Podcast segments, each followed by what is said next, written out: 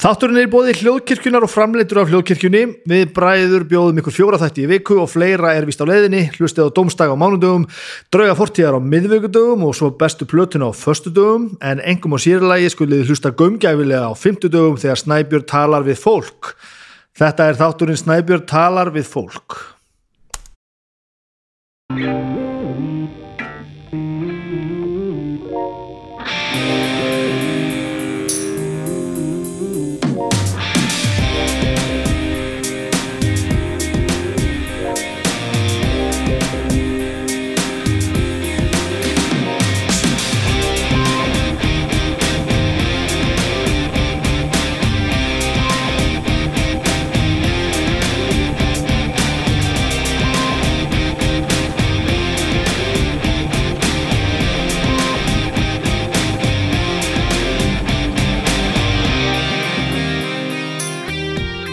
Hvað segið þið þá gott? Velkomin í þáttin með Snæbjörn talar við fólk.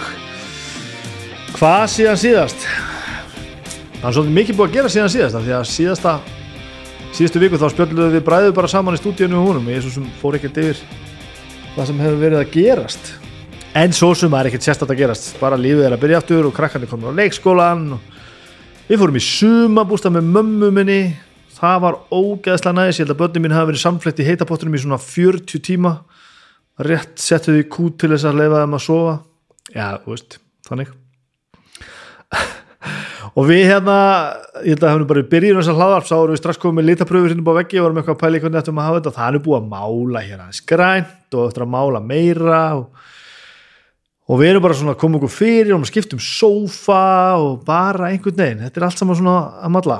Við erum Já, náttúrulega meirinn hálft ár sínu fluttum og þetta er bara svona hægt og rólega að gerast og ég var að taka hérna plötur sem ég er að vera gefnar, vínilplötur upp úr kössum og skipulegja þetta allt saman og setja þetta hérna í hillutnar og, og taka tinnabækuna mínar og ástrík og lukkuloka, koma þeim eitthvað stað fyrir og allar hina myndasögurnar og roleplay-kerfin og og við bara svona einhvern veginn í saminningu búin að vera að þessu hérna og koma okkur fyrir. Og þetta er orðið óskaplega hugulegt svo sitt ég bara hérna á sama stað af vennilega að vera að horfa hérna í glæni að stofu eða þetta er ansi næs.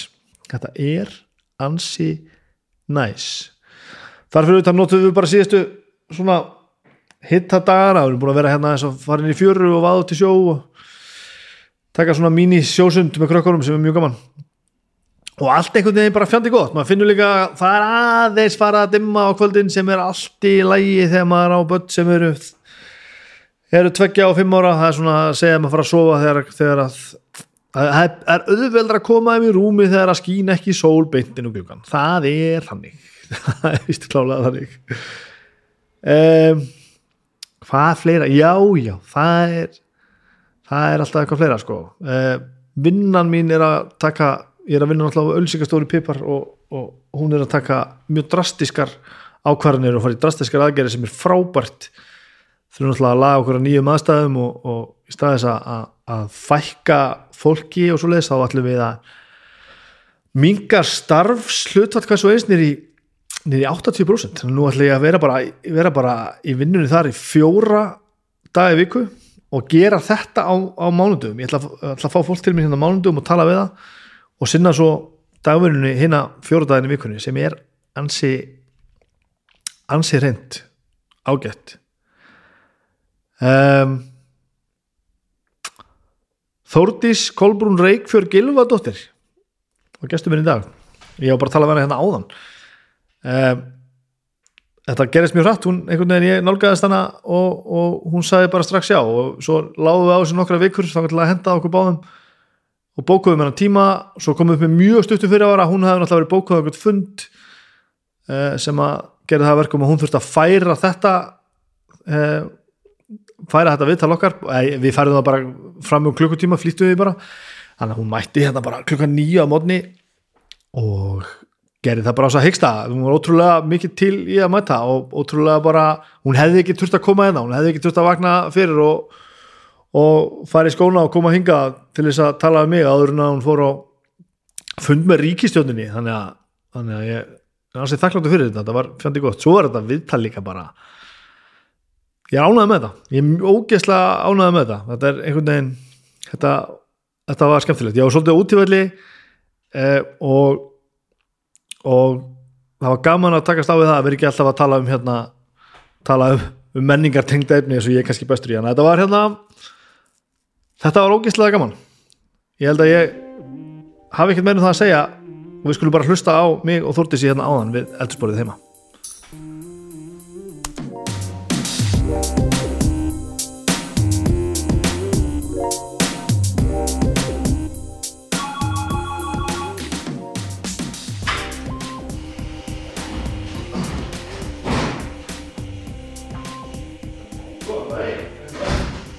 ég er bara búin að kveikja á þessu sko. ég, við skulum bara okkur í þetta. Gegja hérna, ég vil bara vita allt sko.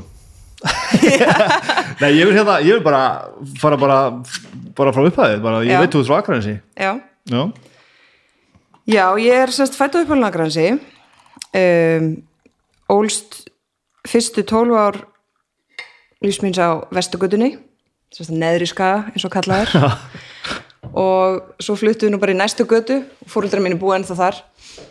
Þau eru nú hérna þau eru nú ekki mjög flippa fólk. Þau eru bara búin að vinna á, þú veist, mamma er búin að vinna á sjúkrahúsinu síðan ég man ekki kringu 1980 og pappi minn upp á grundatangarsvæði frá Ok. því að Elkem opnaði. En hann er enda núna með hérna, í öðru fyrirtæki sem að þjónustar á því svæði og svona, búin að vera upp á aldamótum.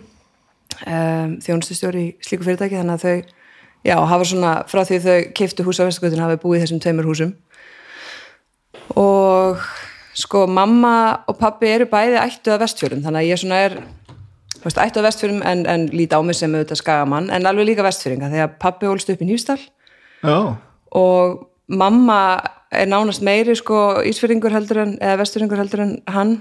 Hún er mjög svona upptökin af þú veist, öllum, öllu þessu ætt fólki og elskar einhvern veginn þetta svæði og söguna og svona. Þannig að ég er mjög meðvituð um það þú veist, amma mín og afi beggja megin eru bara þú veist, allar mínar rætur eru bara á vestfjörum og ég ætla tengingu sérst persónulega fórundræðinir þangað? Já, kynnast þið þar eitthvað Uh, já, mamma fór að vinna ef ég kannu svo sögur rétt, fór mamma að vinna á sjúkrahúsinu á Ísafirði þegar hún var bara 17, 18 eða eitthvað og kynntist pappa þar. Já, og hérna, en foreldra sérst, amma mín og afi, amma Dísa og, og afi Ásker, þau fluttu í kringum 1950 eins og margir vestfyrringa gerðu þá. Uh, og pappi, afi fór að vinna hjá hérna, póstunum og svona, þannig að veist, mamma er fætt á Akranesi en hún á sko þær eru sjö sýsturnar, eða voru. Þannig að þær sem eru eldri eru ekki fættur á Akranesi en, en hérna mamma er það. Um, hvað ég segja, ég á sko einn hálbróður sem er fættur 78 og ólst ekki upp með okkur en, en býr á Kvamstanga í dag og, og hérna og við erum uh, svona hérna, þú veist, hittumst oft núna og hann á börn og þau eru bara dásanlega fjölskylda. Og þau mitt, ég held að Hötti bróðir og Helga hafi byrjað saman þegar þau voru sko 12-13 ára, búin að vera saman síðan. Wow. Já, og hérna svo er ég eldri bróður sem er 82 módel og svo er ég 87 og svo er ég yngri bróður sem er fættu 93 þannig að ég er eina stelpan í hópnum. Já, um, og bara átti held ég mjög svona eh, ég vil ekki segja hefðbundna því að hver á bara sína æsku en samt, svona frekar þú veist, bara hérna, mamma er að vinna sko vaktavinnu, hún er sjúkraliði. Þannig að hún var oft heima og þegar ég var alveg upp var hún ekki í 100% vinnu. Þannig að hún var svona mikið heima í naut náttúrulega mjög góðs á því. Geta þú veist farið heim í hátegismat og ég gæti alltaf tekið ykkur vinni heim og þú veist var ekki frístund eins og eins og börnum mínur já, nákvæmlega. Já, já, nú á ég pínu svona tengingar orðið á skagan og, fle fleiri Já. neitt hátt. Já. þetta er rosa skemmtileg stærða einhvern veginn Já, þetta er það sko. Og þetta er mjög fjölskyldu vænt veist, íþróttalíf er stert þarna. Um, og ég æfði sund, bara byrjaði á sundnámskeið þegar ég var fjögur eða eitthvað og svo byrjaði að æfa sund þegar ég var fimm að vera sex. Og æfði sundtang til ég var 17 þannig að æska mín alltaf mótast mjög af því Já, já, já. þú veist, það er alltaf bara æfingar ykkur minnsta degi og snemma byrja maður að æfa lögadögum og svo eru morgunæfingar, þú veist, þegar maður er ennþá í grunnskóla og svona, þannig að maður alltaf, þú veist, það fór rosa mikil tími í það og maður var þar að leiðandi ekki í svona alveg sama félagslífi og hinnir, en ég hef samt alltaf verið líka alveg tölverst í þú veist, það var almennt bara frekar mikið að gera já, en þú svona, alveg svona einhver árangursmiður strax að já, svona- svona vakna á mótnarnum Já, helgar og fara að gera eitthvað. Já, já. mikill, þú veist, mikill ægi sem fylgi um, en hvaðan kemur þessi ægi? er þetta bara forrið það því?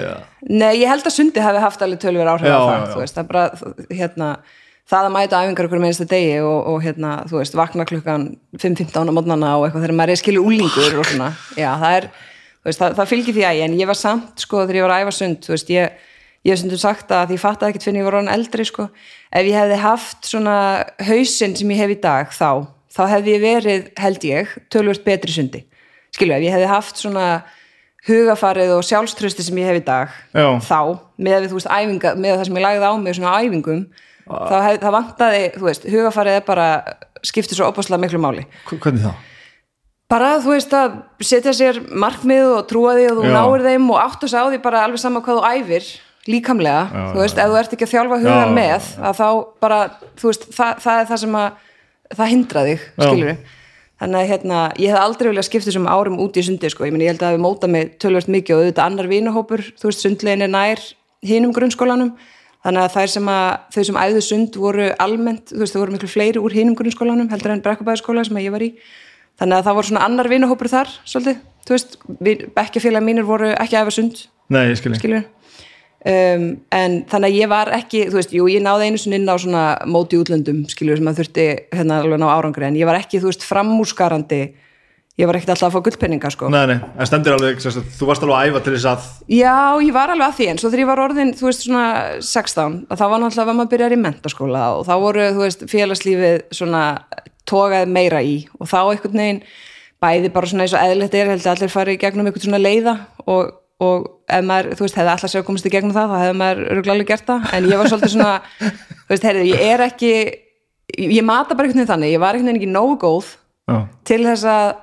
er Já, fórna tímanum þú veist í það, það voru bara aðri sem voru bara betri og meira intuit einhvern veginn, en sundir er alltaf vantarlega alveg svona eitthvað, þú, þú ert ekkert að gera þetta eitthvað svona 50% nei. Þú annarkot æfur bara sund Já. eða þú æfur bara ekkert já, sund. já, það er alveg þannig sko. Já. annars er það bara alveg ömulega leðilegt sko. Ég menna þú bara bætir þig ekki og þú ert bara alltaf að kapna á æfingum og væri alltaf bara að mæta eitthvað á þriðu hver æfingu sko.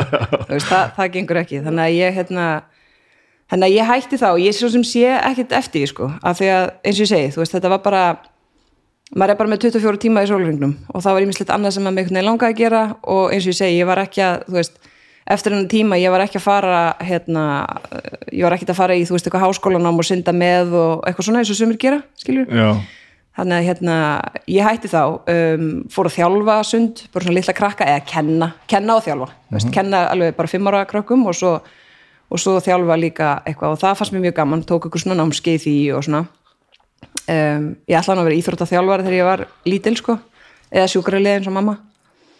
Og hérna, já, þannig að æskan svona mótaðist að því, svona hlá ég þennan svona æsku vinahóps sem eru fjórar stelpur sem að við höldum en þá í dag en auðvitað hefur, þú veist, bæst í og, og það allt sko. Já, svona karl, karlahópur Já, sem að, og ég naut svona mjög góðs af því, þú veist, þær eru alveg hérna, heltraustar og, og verða heldur bara út lífið heltraustar sko.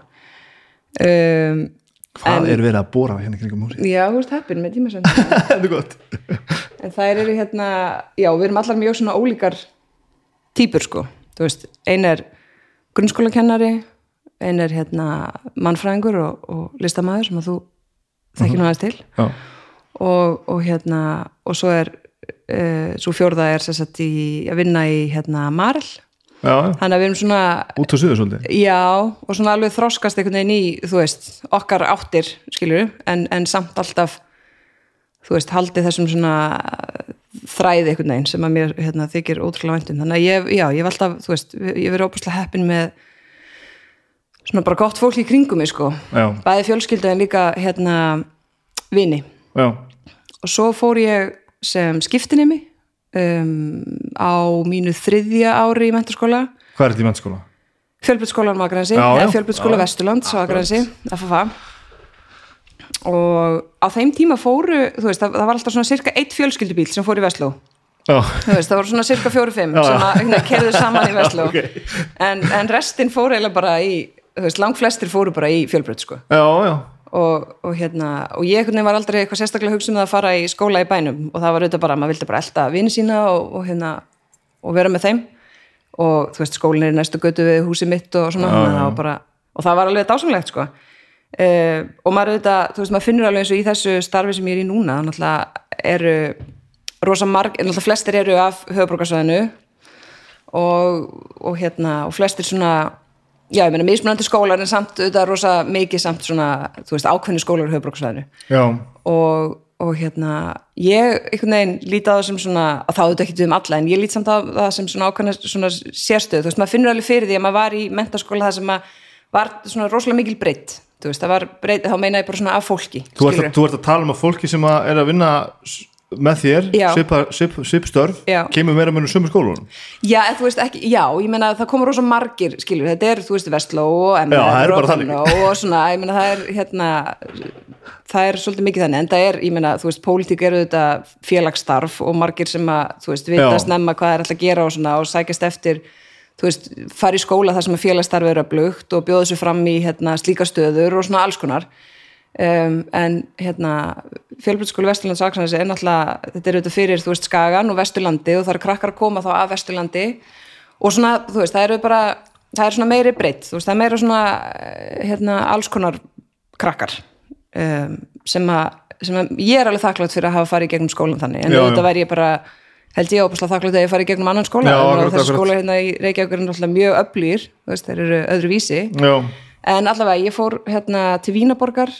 uh, 2056 uh, og þú mátt fara sko sem skiptinu með áðun og verður 18 ára. Og ég fór í september áðun ég var 18, verður 18 ára í nóvember þannig að ég var alveg á síðasta sens ok.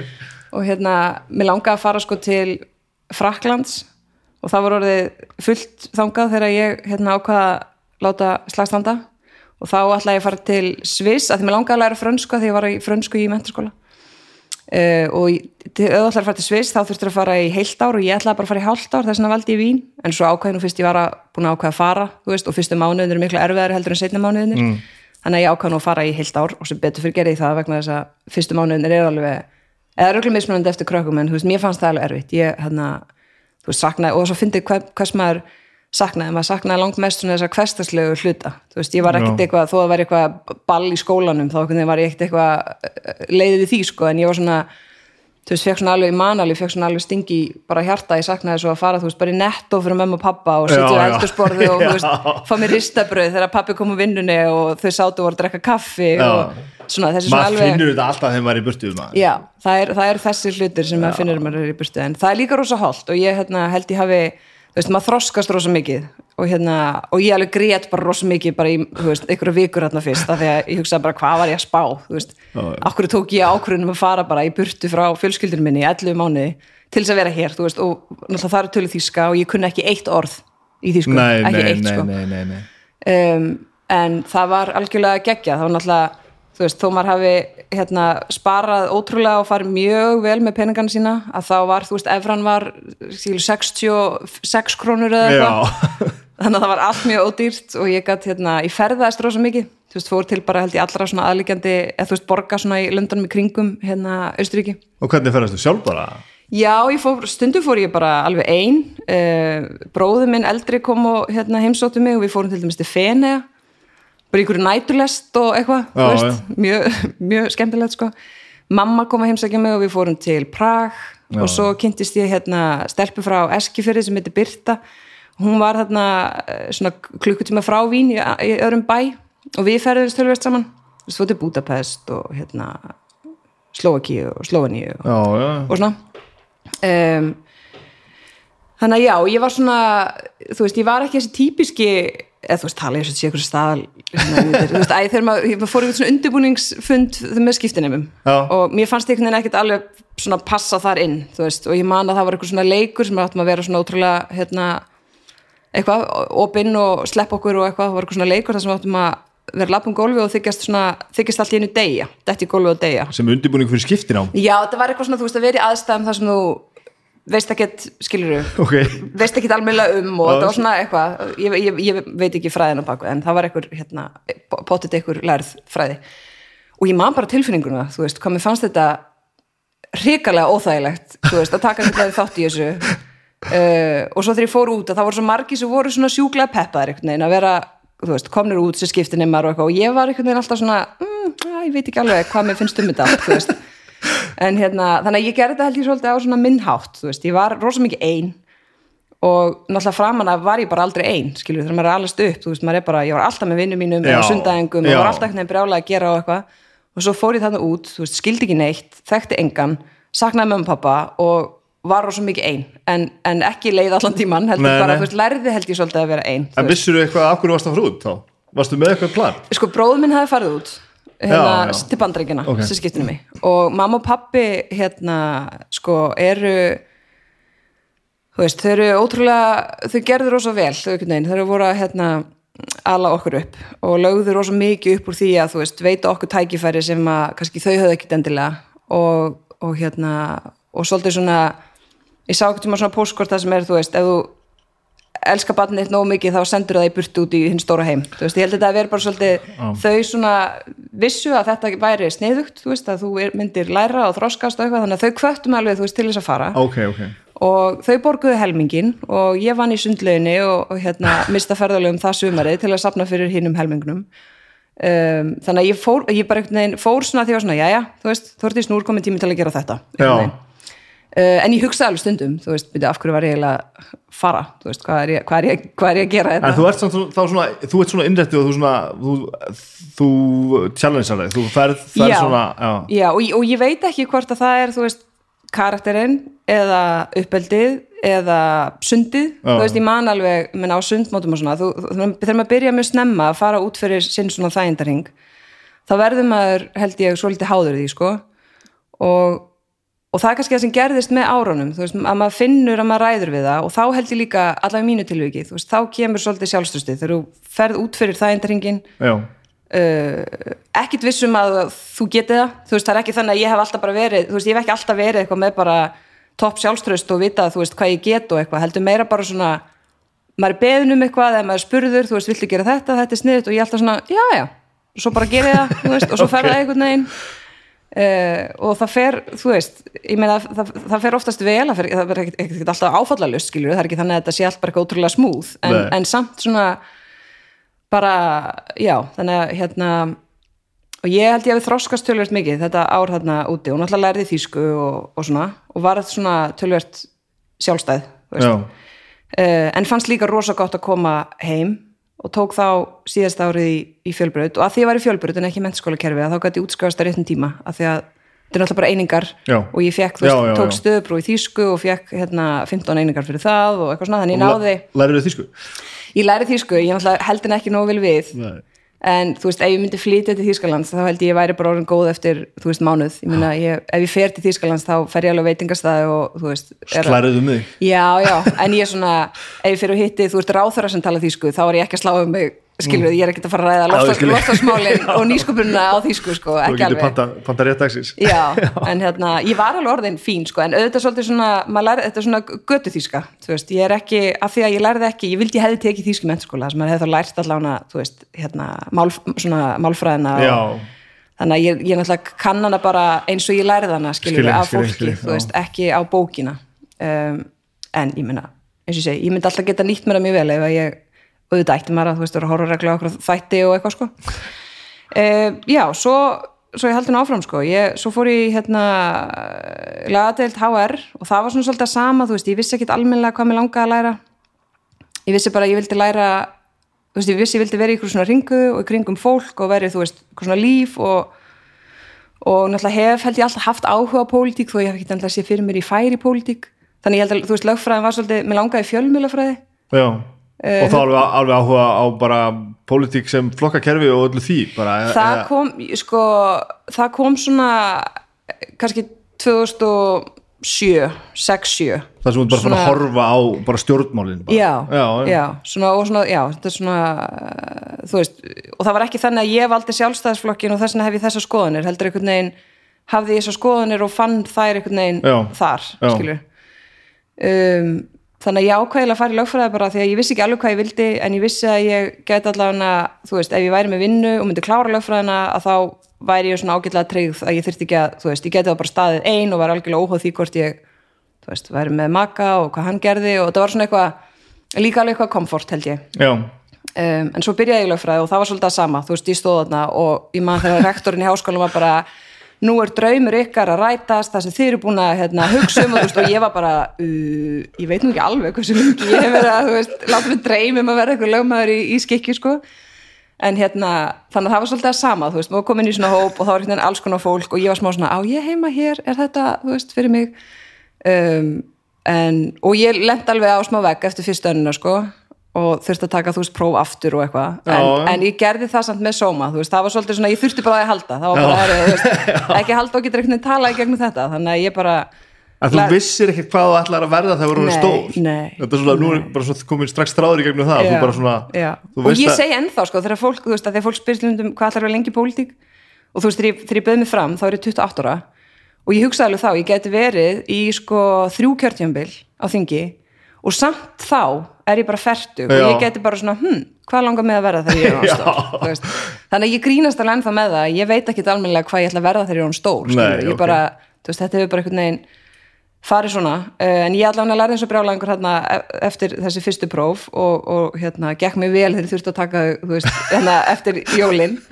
Þannig að ég hafði mjög gott af því sko og, og hérna og meirs í því fæi sem að ég hérna, tók aftur próf, þú veist, ég hef verið stundakennar í háskólinum að kenna það Já. sko, þannig að það var bara Og hvað var það þetta bara- fínt. það var stjórnskipunaréttur Og var, var þetta bara skiprarsleysi og leti og, Mm, var bara fyllir í einhvern jam nei, nefnilega, ég var nefnilega ekki sko, fyrstu árin í háskólanum var ég mjög lítið svona djamma, þú veist, Ok. þá hérna, þá, ég, sumari áður en ég byrjaði í háskólanum, þá kynntist ég strák sem að hétt Óskar Stefánsson um, frá Akureyri en var búin að búa í hérna Danmörku í, í ykkur sjö ár, Kaupanöfn nei, ekki Kaupanöfn, og hérna Óðunsjö og hann var sko átt árum eldri en ég.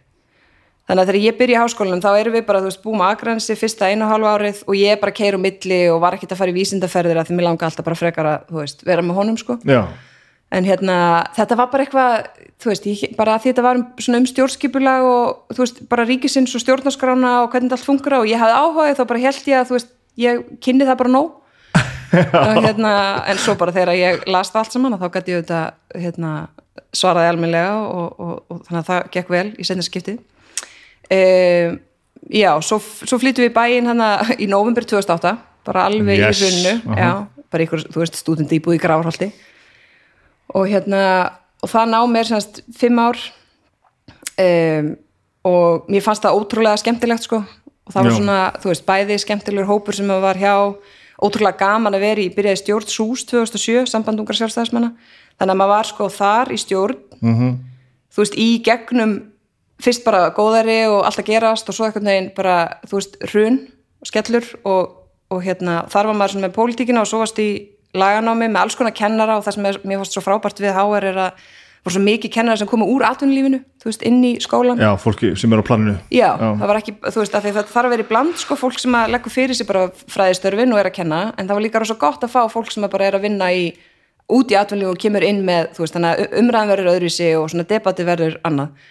Og hérna, og ég var í laganámi líka með sko alveg svona krökkum sem að, þú veist, auðvitað eins og alltaf er, bara mjög svona á mjög svona litríku pólitísku litrófi, þú veist uh, ég meina Katrin Oddsdóttir var með mér í sem að er að berjast fyrir nýri stjórnarskrá og, og Já. hérna, þú veist, við vorum saman í námi Já, í fimm já. ár og erum ekkit alltaf sammálaði með allt en, en áttum ótrúlega mörg mjög skemmtileg og svona góð samtöl um alls konar þú veist, í pólitík þannig að ég held ég að maður lærði líka rosa mikið af því þú veist, að vera með þessum svona fjölbreytta hópi þar það sem ennur að taka debat og alltaf um forsendum heldur en inn í stjórnsús Já, sem var þig. líka mjög sem var samt líka mjög sko gaglegt og þú veist, það var alveg gaggrinn og svona, þannig að þetta var einhvern veginn á þessum tíma, þú veist, maður, maður byrjar í skólan þar sem að ég var bara tvítug skilur, ég held að þetta væri bara einhvern veginn allt í blóma. Og svo gerist alls konar og maður er að fara í gegnum laganum með þar og þá verður maður líka, þú veist, gaggrínni á bara lögfræðina og þú veist, verbreyðmarkasettur og skattaréttur og alls konar svona fög sem að hafði þetta bara svona beina tilvísin einhvern veginn inn í, þú veist, ástandi og svona. Eh, Svo fór ég hérna til Salzburg í Östuríki í skiptinám í já, einaun á vegum Erasmus. Og, og það var hérna uh, í februar 2011 og, og hérna ég sem sagt var með Óskari uh, sem ég nefndi á hann í þrjú ár og svo hættum við saman alveg í góðu og meira þess að bjuggum saman í smástund eftir og hættum saman. Þetta var allt svona alveg smá skrítið en vorum einhvern veginn allan tíman vinir en þetta var samt alveg þú veist sárt og eitthvað. Og svo sérst í loki júni 2010 að þá hann vann upp á grundatanga og lendi slisi og sprengingu sem var upp á tanga og dó, eina banaslisi sem hefur orðið hérna upp á, á því svæði í öll þessi ár. Já, og það var svona, þú veist hérna, við vorum sérst, hætt saman þannig ég var svona búin að kveðjan skilur, sem, sem svona mannin sem ég ætla, þú veist, ég vissi ég er ekki fullorinn með honum, en, en ég var vitaskuld ekki búin að kveðja hann þannig að hann mætti bara að deyja. Og hérna, þannig að það var svona þú veist, það er svona einn af þessum ef maður telur upp svona okkur atrið gegnum lífið sem að hafði auðvitað bara meiri háttar áhrif á mann. Þá er það þetta sko. Og og ég meiri segja einhvern veginn þú veist, nóttinni sem þetta gerðist sem ég veit alveg, ég viss alveg væri að vera ruggluð ég viss alveg þess að hugsanum væri mjög ólógiskar og rugglaðar en ég var samt með þar sem voru einhvern veginn bara, þú veist, ef við hefðum ekki hætt saman þá hefðu við kannski farið í sumarferð þú veist, til Spánar. Og þá hefði hann ekki tekið sumarfrið þessum tíma. Já, þá hefði hann ekki verið á akkurat, þessari vakt akkurat. og þá hefði hann ekki dáið, skilur og ég vissi alveg að, þú veist, ég eitt vasklas til viðbútar einhvern morguninn þá hefði hann þurft að fara á salernu öðrum tíma og þá kannski, að, veist, að þetta var bara röð tilvíljan og átti ekki að geta gest, þetta slís, en það gerðist. Og á spítalanum var ég alveg svona herrið, þú veist, ég hefði getað komið veg fyrir þetta bara ef að ég hefði, skilur og ég vissi alveg ég væri að vera ruggluð en, en hérna, ég sagði svona upphátt að mér liði svona þannig að það var svona gripið í það.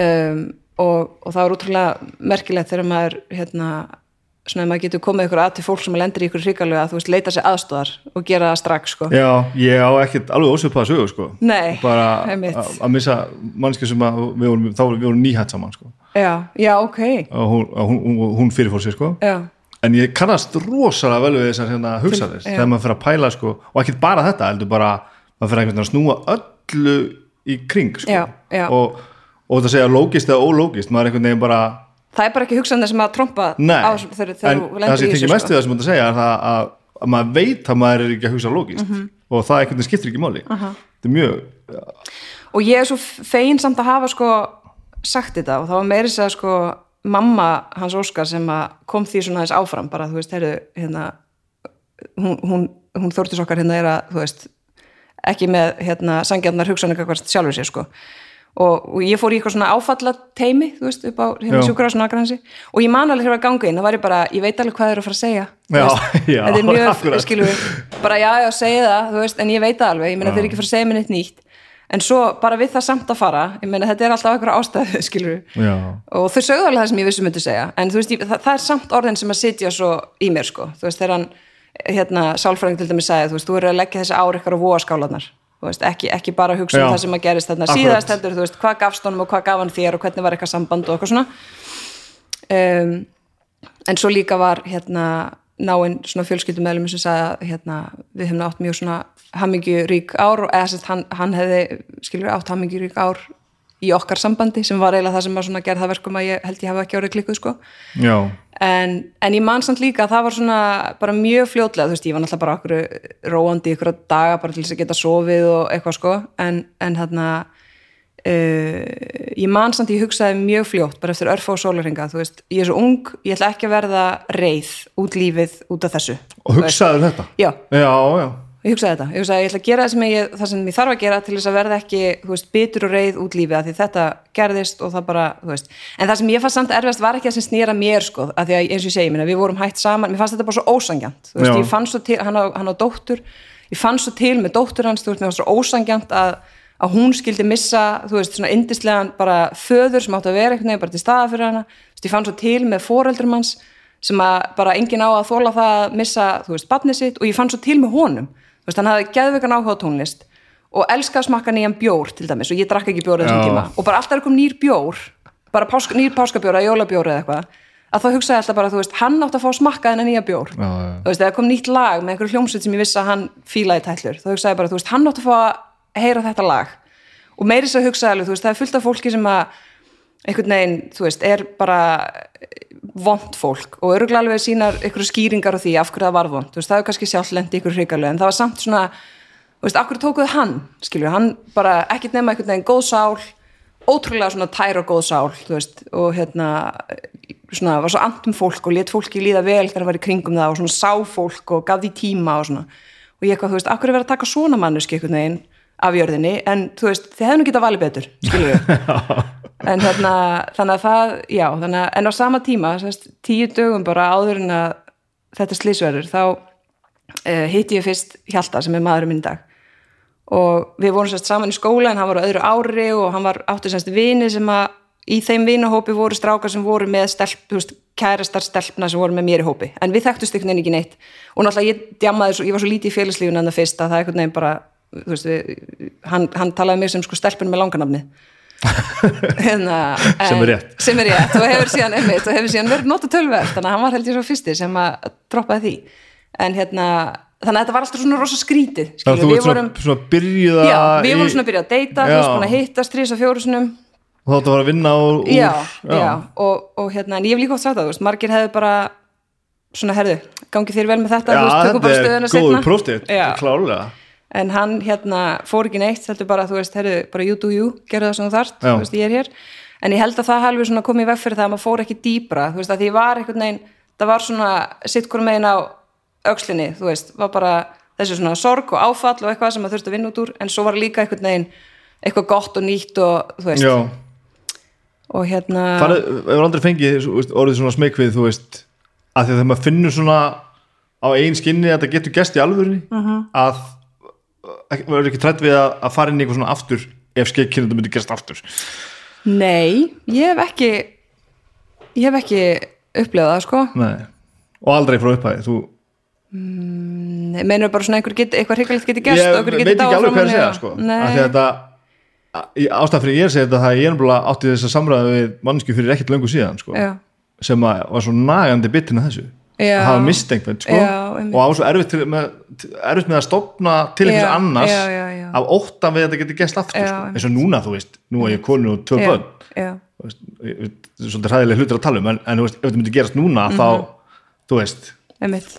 Nei, ég hef einhvern veginn ég hef ekki ég hef ekki ekki dílað við það. Nei, Nei, saman hér sko. Og ég, maður átt að sig, þegar ég var að tala um þessa mannesku fór ég einmitt að pæla bara af, veist það er líka alveg hrikalegt að Já, það er svakalegt sko. Að, að þú varst að tala um að vinna þessu út úr sko, sorginni og bitturinn já. og sárindunum. Já, ég bara að ég hef hugsað ómeðvitað, ómeðvitað saman, bara fjandinn hafi það. Ég, veist, ég get ekki verið Nei. þessi sko. nei, nei, nákvæmlega. Frændi minn góður sem að misti barni sitt sko, þryggja fjóra ára fyrir nokkrum árum já, hann er með átti þess að ofbóðslega sterkur setningu ég get ekki verið út lífið maðurinn sem misti barni sitt. Akkurat. Þú veist, auðvitað náttúrulega fylgir þetta manni alltaf. Já, og á einhverju leifir Já, getur en með þess að grætt á þessu Já. reynsluna og hatt saman, algjörlega, góða úr öllu. Það er það sem ég, það er það sem ég sagði sjálfum mig. Ég sagði ég ætla að vera sterkari.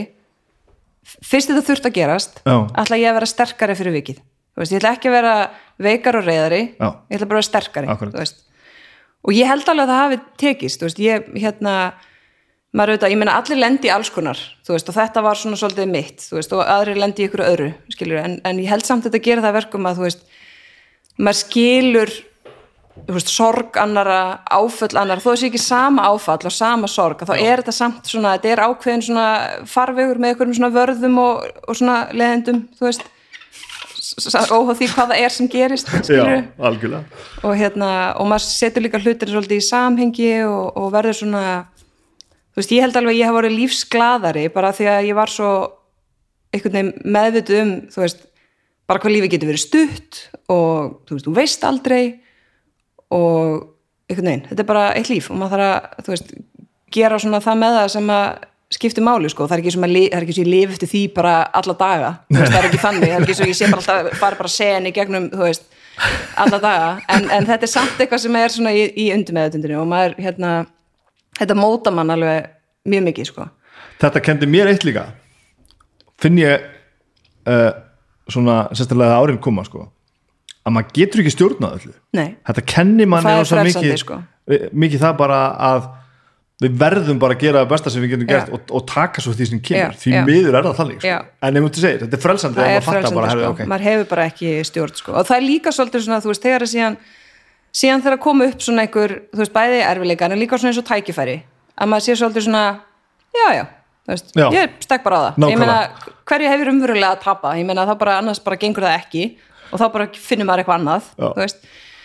Um, þannig að ég síðan 2011 loka árs verð ég ófriska eldri stráknum mínum sem er nýjórðin áttara og hérna hann fæðist í ágúst 2012 ég klára lana með þarna í mæ, júni og byrja svo bara í fæðingrólufi um, og svo verð ég kostningastjóri í hérna norvestu kjördami 2013 fyrir kostningarnar hvað þýr það?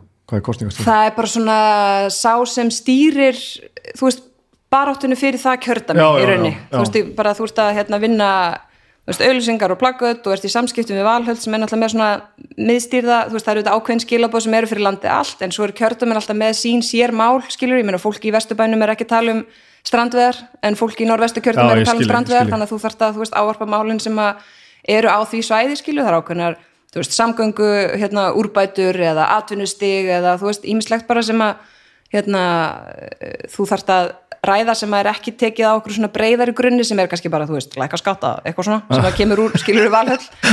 Og hérna, og svo er þetta bara öll þessi samskipti við, hérna, þá sem er að bjóða sig fram, þú veist, og, félögin út um allt kjördamið, þú veist, að halda alls konar fundi og viðburði og fyrirtæki heimsóknir og allt þetta. Og hérna, og það var mjög gaman og þá var mitt strákurinn bara lítill, þú veist, bara eitthvað hálsás eða eitthvað.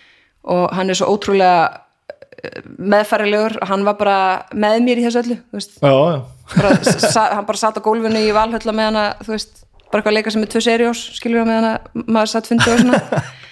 Og e, og svo eftir þær kostningar að þá var starfsmæður Frankfjörð Þingflokksins þá sem var Ingar Hefna sem að hérna, er aðstofmar á í dag hún var sem aðstofmar á þannig að það starf losnaði og ég sótti tölvert hart að fá það starf. Mig, það var svona drauma, einhvern veginn draumastarf. Það var Ragnar Ríkastóttir Þingflokksformaður. Og hún allir á skaganum en ég þekkt hann ekki neitt og ég var svona að senda henni posta og reyna útskýra fyrir henni af hverju að vera rosa góð hugmyndar á mig. Og hún er alveg sagt að bara, þú veist, að hún tók alveg svona áhættu, ég meina, ég var 20 hvað var ég, 2013, ég er 25 að vera 26 en þarna í laganáminu og upp á þessu öllu saman allt sem þú ert búin að segja núna samband ungra sjálfstæðismann og hættal saman þannig ertu vantarlega Já. að það komin bara í gýrin bara, Já, en að hluta til svona ómeðvita, sko. Af því að 20 og eitthvað ára var ég ekki að gera þetta sko. Nei, nei En það var einhvern veginn tilhugsun um að geta farið, veist, inn í þingið. Uh, Ég var náttúrulega ekki stjórnmálumæður en ég var að vinna með þeim Já. og fara inn í þingjól að því að áhugasvið mitt í laganáminu var svolítið, þú veist, lagasetning, stjórnarskráin, stjórnskipunaréttur og svona örgulega út af stó, stóru Já, en örgulega út af tengingunum við pólitíkina Já. var örgulega, þú veist, þess vegna hefði ég held ég áhuga því Já, það var svo já, mikil já. tenging við pólitíkina, þú veist, hvað gerir löggjafavaldi hvað gerir framkvæmdavaldi, hvað gerir fósundin þú veist, hvernig skiptist þetta og hvernig, hvernig þú veist, semuru frumvarp, hvernig fer, verður frumvarp að lögum, hvernig fer það í gegnum þingi þú veist, hver, eitthvað svona þannig að þú að kynna hvernig hlutinni virka í grunninn Já. smittar yfir í það að þú fyrir að, að velta fyrir hvað er að gerast í raun og veru Já, og það er svona lang, og ég held ég hafi haft áhuga á því hvernig það gerist í grunninn, af því ég hafði áhuga á pólitík. Já, og svo þegar ok, ég búin að læra það, það langaði mig að, þú veist, fara inn í pólitíkina og sjá, og bara læra, veist, þannig að þegar ég var, og ég fekk semst þetta starf og var framkvæmstjóri þingflokks, og hérna, og það var ótrúlega gaman, þú veist, ég satt bara eins og ugla og bara reyndi að fylgjast með og þá náttúrulega kemur í ljós, alveg saman hvað er búin að læra í lögfræðum það hvernig frumvart verður að lögum, að þá gerist það auðvitað allt öðruvísi inn í þinginu, Já, þú veist, ok. það ertu með nefndir og það ertu með þú veist, mismunandi einstaklinga og þú ert með fólki hérna, stjórnar meiri hluta og svo ert með fólki stjórnar andstöðu og þú veist, það er mismunandi hverjir sko eru svolítið ráðandi í því hvaða mál klárast og þú þarft að fara að skilja alla pólitíkin á bakvið allt saman. Já, þannig að þó ég hefði talið mig vita mjög mikið um þessa hluti að þá vissi ég raunin ekkert um það fyrir nú kemur inn í þingi og sér þetta raunverulega hvernig að, þú veist, og mér fannst þetta svo gaman að geta, þú veist, að vera bara inn á þingi án þess að vera stjórnmálamæður, þetta mér fannst ég náttúrulega mjög ung til þess að vera einhvern veginn þingmaður sjálf, þannig mér fannst ég fá bara svona besta, þú veist, það gætt verið í skjóli en ég gætt lært og ég gætt setja þetta með þingmönnum og spurt og allt þetta og gætt svona skilið, þú veist, mann vinnur auðvitað líka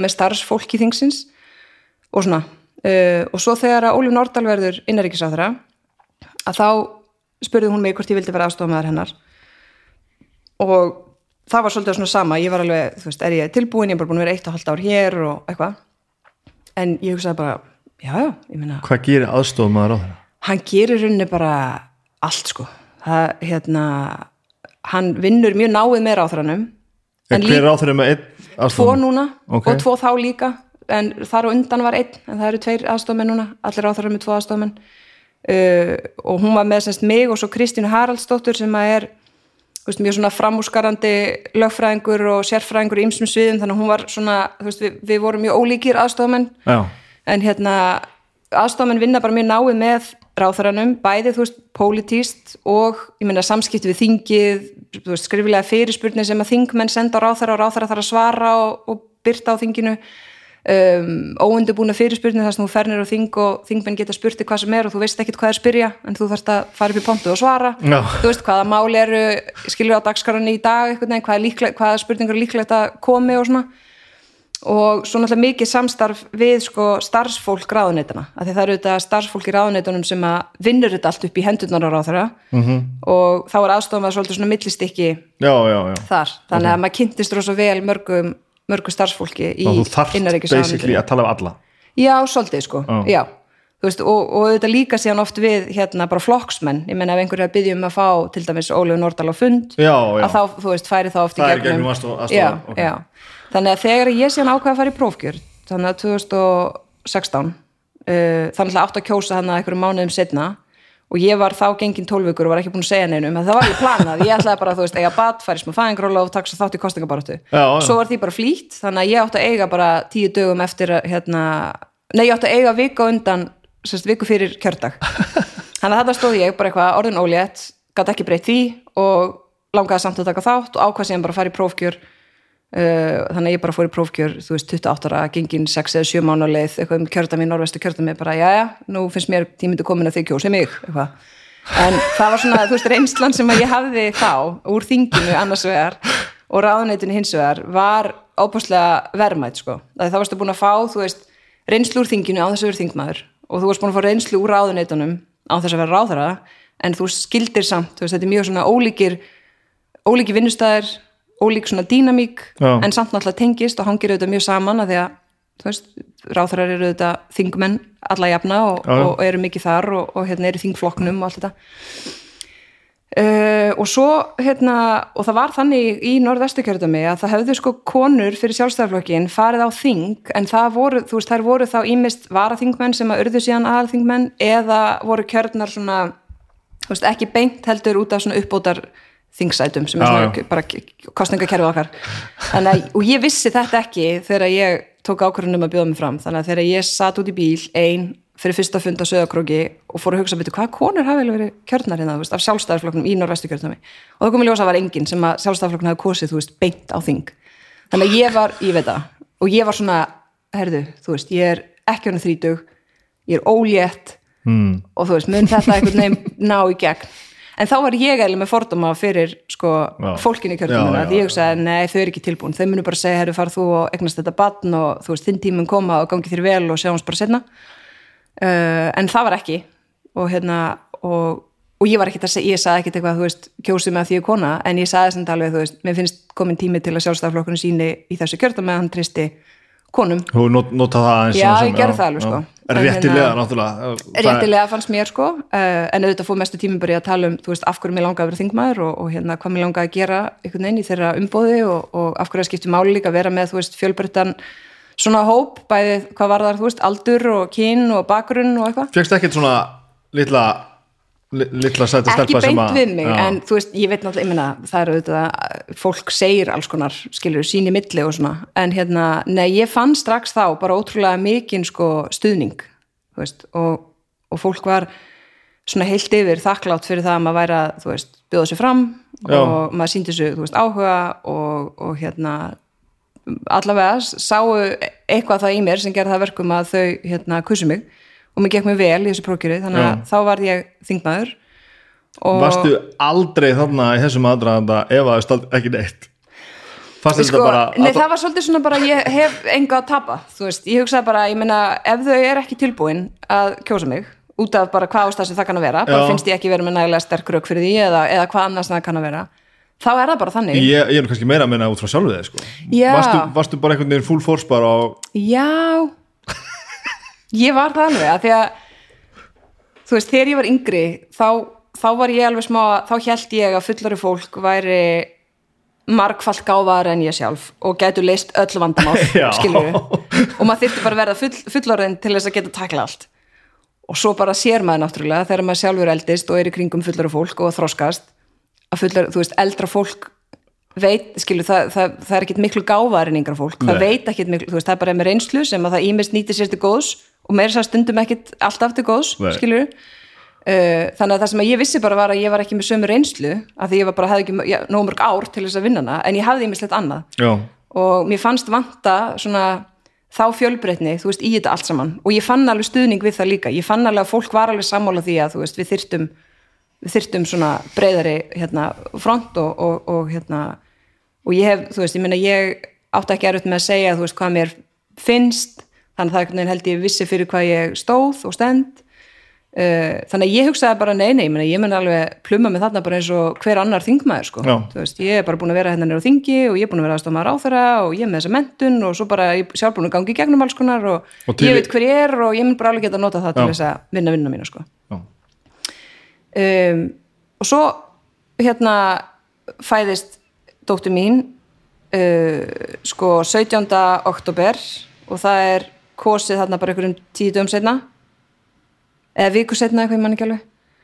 Og hérna og svo tók náttúrulega svolítið langan tíma að mynda ríkistjórn það var farið svona einhverja ringi og endanum var þetta ríkistjórn sjálfstæðarflokks viðrisnar og bjartar framtíðar. En það tók alveg dóldi marga vikur sem að hendaði mér fínt af því ég var nýbúin eitthvað spatt þannig að ég gætt bara verið í því. Uh, en svo fær hvernig fer þetta fram að mynda ríkistjón er fólk bara að senda e-mail og ringja og, og, og lobbyast bara að einhver þú veist, e- e- einhver ákveður að þetta sé skásta lausnin og, og sendir hér út í kulda? Já, já, svolítið sko. Það Þú er rosa brútal. Og menn svona og já, svo mikið óskipula einhvern veginn, Já. mann líður svona eins og sé svo mikið skipula þetta eru rosa mikla reglur og svo kjósa þetta og svo er þetta svona og innseglað og, og þinglist og allt, allt einhvern en veginn það voðalegt er svolítið komið svona þegar búin að búa til afurðina sko. en það hvernig, bæði það hverjir starfa saman og hvernig afurðin veist, stjórnarsáttmáli verður til það er svona held ég mun kaotískara heldur en það sem síðan tekur við. En ég var þarna náttúrulega ekki varaformaður orðin, nei, nei. þannig að ég var ekki inn í þeirri ringu, þú veist, ég var ekki að hérna, taka þau símtöl sjálf eða ég var þarna bara, þú veist, nýjörðin þingmaður sjálfstæðarflokksins uh, og þannig að það voru bara alveg aðrir í því. Já, veist, þannig að ég hef ekki verið að sko taka símtöl og segja, hei, eigum við að hérna, þú veist, þurfum við ekki að tala saman? En og, við erum að tala um þessi símtöl og þarna fæ ég alltaf Já. tilfinningur bara ok, þeir sem þekkast best á þinni og eru svona mestu félagarnir og millflokka þeir ringja bara hverja en það er, ég, þú veist, ég held að það sé mjög sko, alls konar þú veist, það er bæði þau samtöl en svo er það náttúrulega líka sko þú veist, það er eitthvað pólitísku veruleiki og það er pólitísku veruleiki ykkur að flokka að byrja fyrst að ræða við ákveðna flokka Já, sem já. að meikar sens veginn Já, pólitíst ok, ok, já, já. og svo lætur þú reyna á það og svo þetta fer þetta líka eftir personum og leikundum sko, þú veist, ég meina þú þarft náttúrulega að geta treyst, ég meina eins og það, í þessar ríkistöður það er svo með Katrínu, Bjarna og Sigur Inga þú veist, þetta er bara fólk sem að treystir hvort öðru, þekkist vel nær vel saman og það skiptir bara ótrúlega miklu máli í svona samstarfi sko. það er þannig, Já. já, það er þannig sko. Já, það ok. er þannig um, svo sem stótti mín fær síðan hérna kíhósta sem að hljómar eins og ég bara hafi áttan á okkur annar öld er eins og er áttur en Skandinavíu fyrir 200 árum já, Já. Og hérna þannig að við, það var alveg hrikalegt, hún var sko bara, hún var ekki orðin að hella með kaffi, það mun örgulega heyrast. Já, þetta er svo lifandi sko. Þetta er svo leiðandi við erum í flæði. Hérna, uh, nei hún Vilju, það er háalvarlegt mál, kíjóst já, þegar þau eru svona lítil þá er það háalvegt mál, það er semst, getur verið lífshættulegt fyrir börn yngri sex mánuða að því þau bara kunni ekki að hósta og er ekki búin að læra það og það getur, þú veist. Og hún var bara sex viknast, hún var 5 kíló Ó, bara pingu pónsu lítil og varði alveg tölvört veik, við vorum að sjúkra á í sko 42 daga. What? mér leiði eins og ég smá eins og ég væri í fangilsi þú veist, ég var með miða upp á fataskáp þar sem ég krossaði yfir hvern dag sem leið. Bara var, að- þú veist, en ég vissi ekki hvað ég var að telja niður að ég vissi ekki hvað þurftum að vera annað lengi. Wow. um, og þá var náttúrulega strákur minn, þú veist, fjögur ára þannig að hann var bara eitthvað staðar, einhvern veginn hjá skilur fjölskyldu okkar og ég var almennt á daginn og maður minn á nóttinni og, og hérna, hún var fyrst á almennu deild svo fór hún upp á gjörgjæslu eða semst vökudeild. Að því hún var það veik sko, var þar í viku svo fór hún aftur niður og við þetta þurftum að sjá um hana og, og hérna og auðvitað eðlilega, þetta náttúrulega gerist svo sjaldan að, að þú veist, menn þurfti aðeins að rifja upp sko bara, þetta, fyrir mörgum var þetta bara eitthvað sem þið lærði í náminu en þurfti ekki að sko díla við praktíst skilurðu. já. já, þetta er svona selgæft já, hér, Já, já. Eh, á Norðurlundunum er þetta vist eitthvað aðeins algengara, þannig að ef að læknar hefðu til þess verið að vinna í Svíþjóð, þá hefur þeir alveg farið í gegnum það að vera með svona unga börn með kíhústa en hér bara gerist það mjög sjaldan og já, hún var, hún var alveg tölvert hérna veik, þú veist, hún fór ekki öndunavélagin eitt svo leis, en hún þurfti, þú veist, súrefni í hverju kasti og, og í nokkur skipti þegar hún var orðin mjög þreytt eftir mjög marga daga, þar sem hún var bara komið bara pókundur augun og eitthvað, að þá þurfti hún að fá svona, að pumpa svona lofti ofan í eða lungun einhvern veginn til þess að hjálpina hérna að anda, en hún fór alveg upp í bara 50 köst og sólarring það sem að þú veist, súrumsmettinu fer bara niður, hún verður blá í framann og bara það var, það var mjög hérna, tærandi tími og bara ógíslegur, þú veist, mér fannst það alveg ótrúlega erfitt í vikinu og náttúrulega líka bara í ykkur hormóna ruggli, þú veist, maður brjóstakjöf og, og hérna en, en, og mér fannst það alveg mjög erfitt. Og ég grenjaði bara endalust og ég fór bara í gegnum það þannig og bara, þú veist, þegar ég, þegar ég var alveg að leika niður í golf þá bara grenjaði eins og brjálæðingur og gati einhvern veginn aftur, þú veist, stað upp. Uh, en auðvitað þarna á spítalunum voru foreldrar sem að voru með börn með, þú veist, krabba minn skilur, foreldrar sem að vissu ekki hvort þau yfir höfuð fengi að taka barnið sitt aftur heim eða ekki. Nei. þannig að þú veist, ég, þegar maður setja í það samhengi þá hugsaði ég, ok, ég meina þetta er allavega bara verkefni, þú veist, ég mun á endanum fara aftur heim með dóttur mína og það verður í lægi með hana. Og þegar að vita það?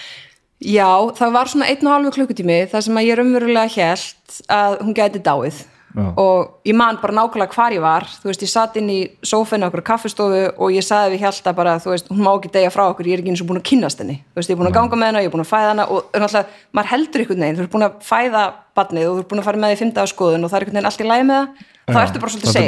Já, þá ertu bara, ok, þú veist, þetta er done. Bara ég er búin að ganga með henni, ég borðaði holt og ég er búin að fæða henni og það er í lægi með henni og svo einhvern veginn bara verður hún svona veik. Og ég var rosa lengi, ég var alltaf að spyrja læknina þú veist, getið fullveðsum um að þetta hafi ekki áhrif að heila henni þú veist, að hún verði ekki eitthvað bara, veist, veik til lengri tíma seinþróska, þú veist, bara því vildi geta búum undir það ef það væri staðan. Og þau alltaf svona, nei, veist, það er hérna, það á ekki að vera. Og þau þólaði að fara svona niður í súrminsmettun lengi og eitthvað.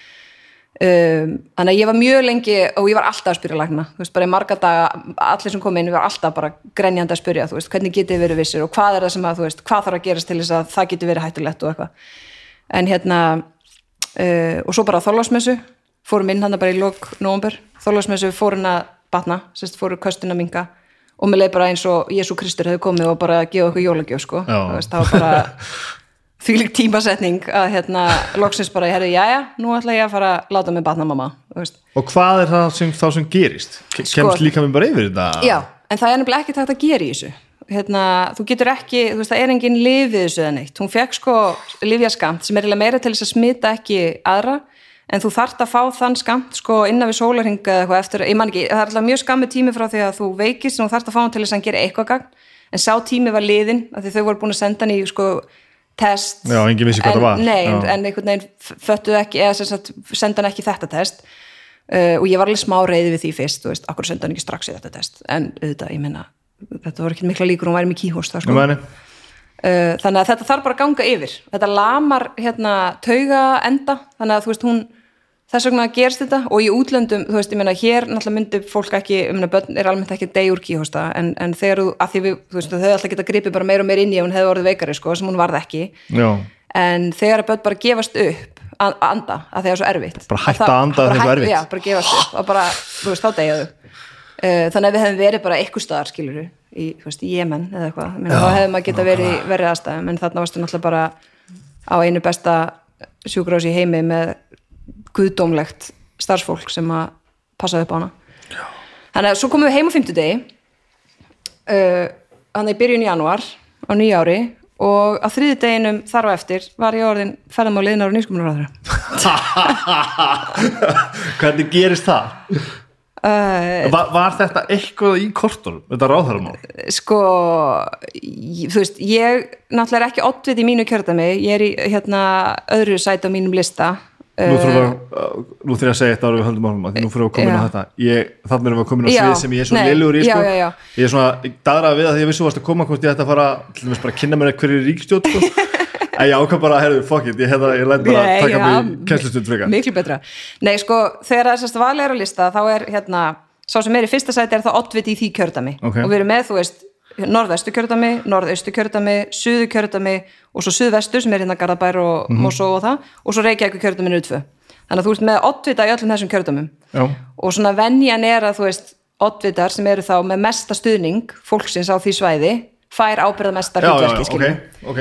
Uh, í okkar tilfelli voru sex kallar óttutar, skilja, var allstar veist, kallar nummer eitt. Já, já, já, og hérna, topp menn allir, en þú veist menn og kallmenn og hérna þannig að ég, nei, sko ég bjóst ekki við því að verða ráþara uh, en ég let alveg vita að ég verið tilbúin í hvaða ábyrða hlutverk sem mér er falið, veist, ég treysti mér alveg í það, Ok. skilur og svo bara á þingflóksfundi að þá hérna var sagt fyrir því hvernig, hvernig þetta skiptist hvernig gerist þetta?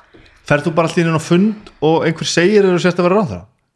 það var svolítið þannig sko það er örgulega mismunandi og ég meina ef þú til dæmis þú veist, sumir vita alveg fyrirfram bara ef að, þú veist, flokkurinn minn fyrir ríkistjórn þá veit ég að ég verð ráþara þú veist, Já, fyrir er já, það þannig, ok, sko ok, já, já. þú veist, ég meina ef að Katrín færi ríkistjórn þá veit hún að hún er ráþara, skilur Já, ég skil, já, og, og en þarna ertu náttúrulega með bara, ég meina það er bara hérna hér ákveða og hér erfiða við, við sjálfstæðarflokkin og fyrir formann sjálfstæðarflokksins að vera náttúrulega með bara stærri flokk heldur en aðrir, þú stærri þingflokk heldur en Já. aðrir flokkar, þannig að þú ert með fleira fólk. Já, já, þannig að það er erfiðar að velja því það er ekki sama svona, það er ekki að sjálfsagt einhvern veginn hverjir svona fá hérna, þessi hlutverk.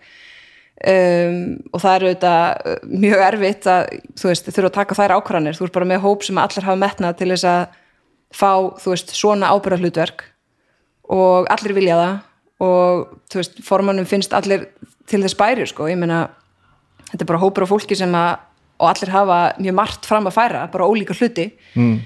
uh, en hann braut svolítið upp svona þessa svona hefð, þú veist, meðalans með tilliti þess að, ég meina, við þurfum að sína breytt þegar kemur að því hverjir eru, hver er hann? þá er ég talað um formann sjálfstæðarflokksins Já. sem er unni hefur, þú veist Hann, hann hefur, við- hann hefur lokavaldi með þetta Já, en, en sko hver, allir á þeirra þurfa náttúrulega stuðning sko þingflokksins til þess að vera í því embætt sem þeir eru í. já. og stuðning þingsins. Þannig að eða stuðning eða sagt, alþingi, bæði stjórna meirlutin og stjórnar andstaðan þurfa að þóla mig í embætti.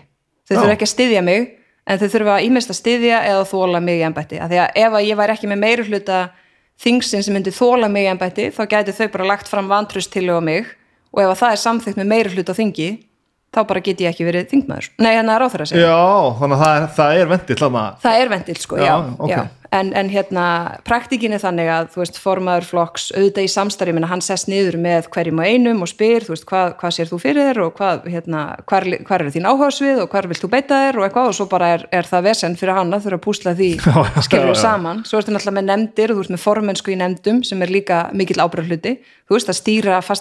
með hluti, þú veist, formann umhverfis og samgöngunemndar, formann allsir og mentamálnefndar sem að færa frumörpin frá ráþurunum og þingmannamál líka og þarf að stýra því og fá þú veist gest á fundi og skrifa nefndar á lit og skilja all meðferð málanin í þingi, það er náttúrulega líka risa, risa verkefni sko. Já, uh, en nei, ég, eins og segi ég, ég, hérna, ég bjóst ekki endilega við því að vera ráðara, en ég let alveg vita að ég væri klári slægin og þannig að þegar að það kom þá var bara, ok, þú veist, ég, ég er Og klár. Ekkert svona oh fuck moment. Jú, eh, sko Jú, auðvitað hugsaði ég, heyrðu, þú veist, ég er bara að byrja á þingi, ég er hérna yngsti kvenráþara sem hefur skipaður Já. í sögunni, ég er næst yngst í sögunni það er bara, þú veist, Eistid sem er hérna, skilju, fyrir mörgum, mörgum áratugum sem var yngri en ég, núna er endur áslög Arna búin að slá með þetta mitt sem er geggjað.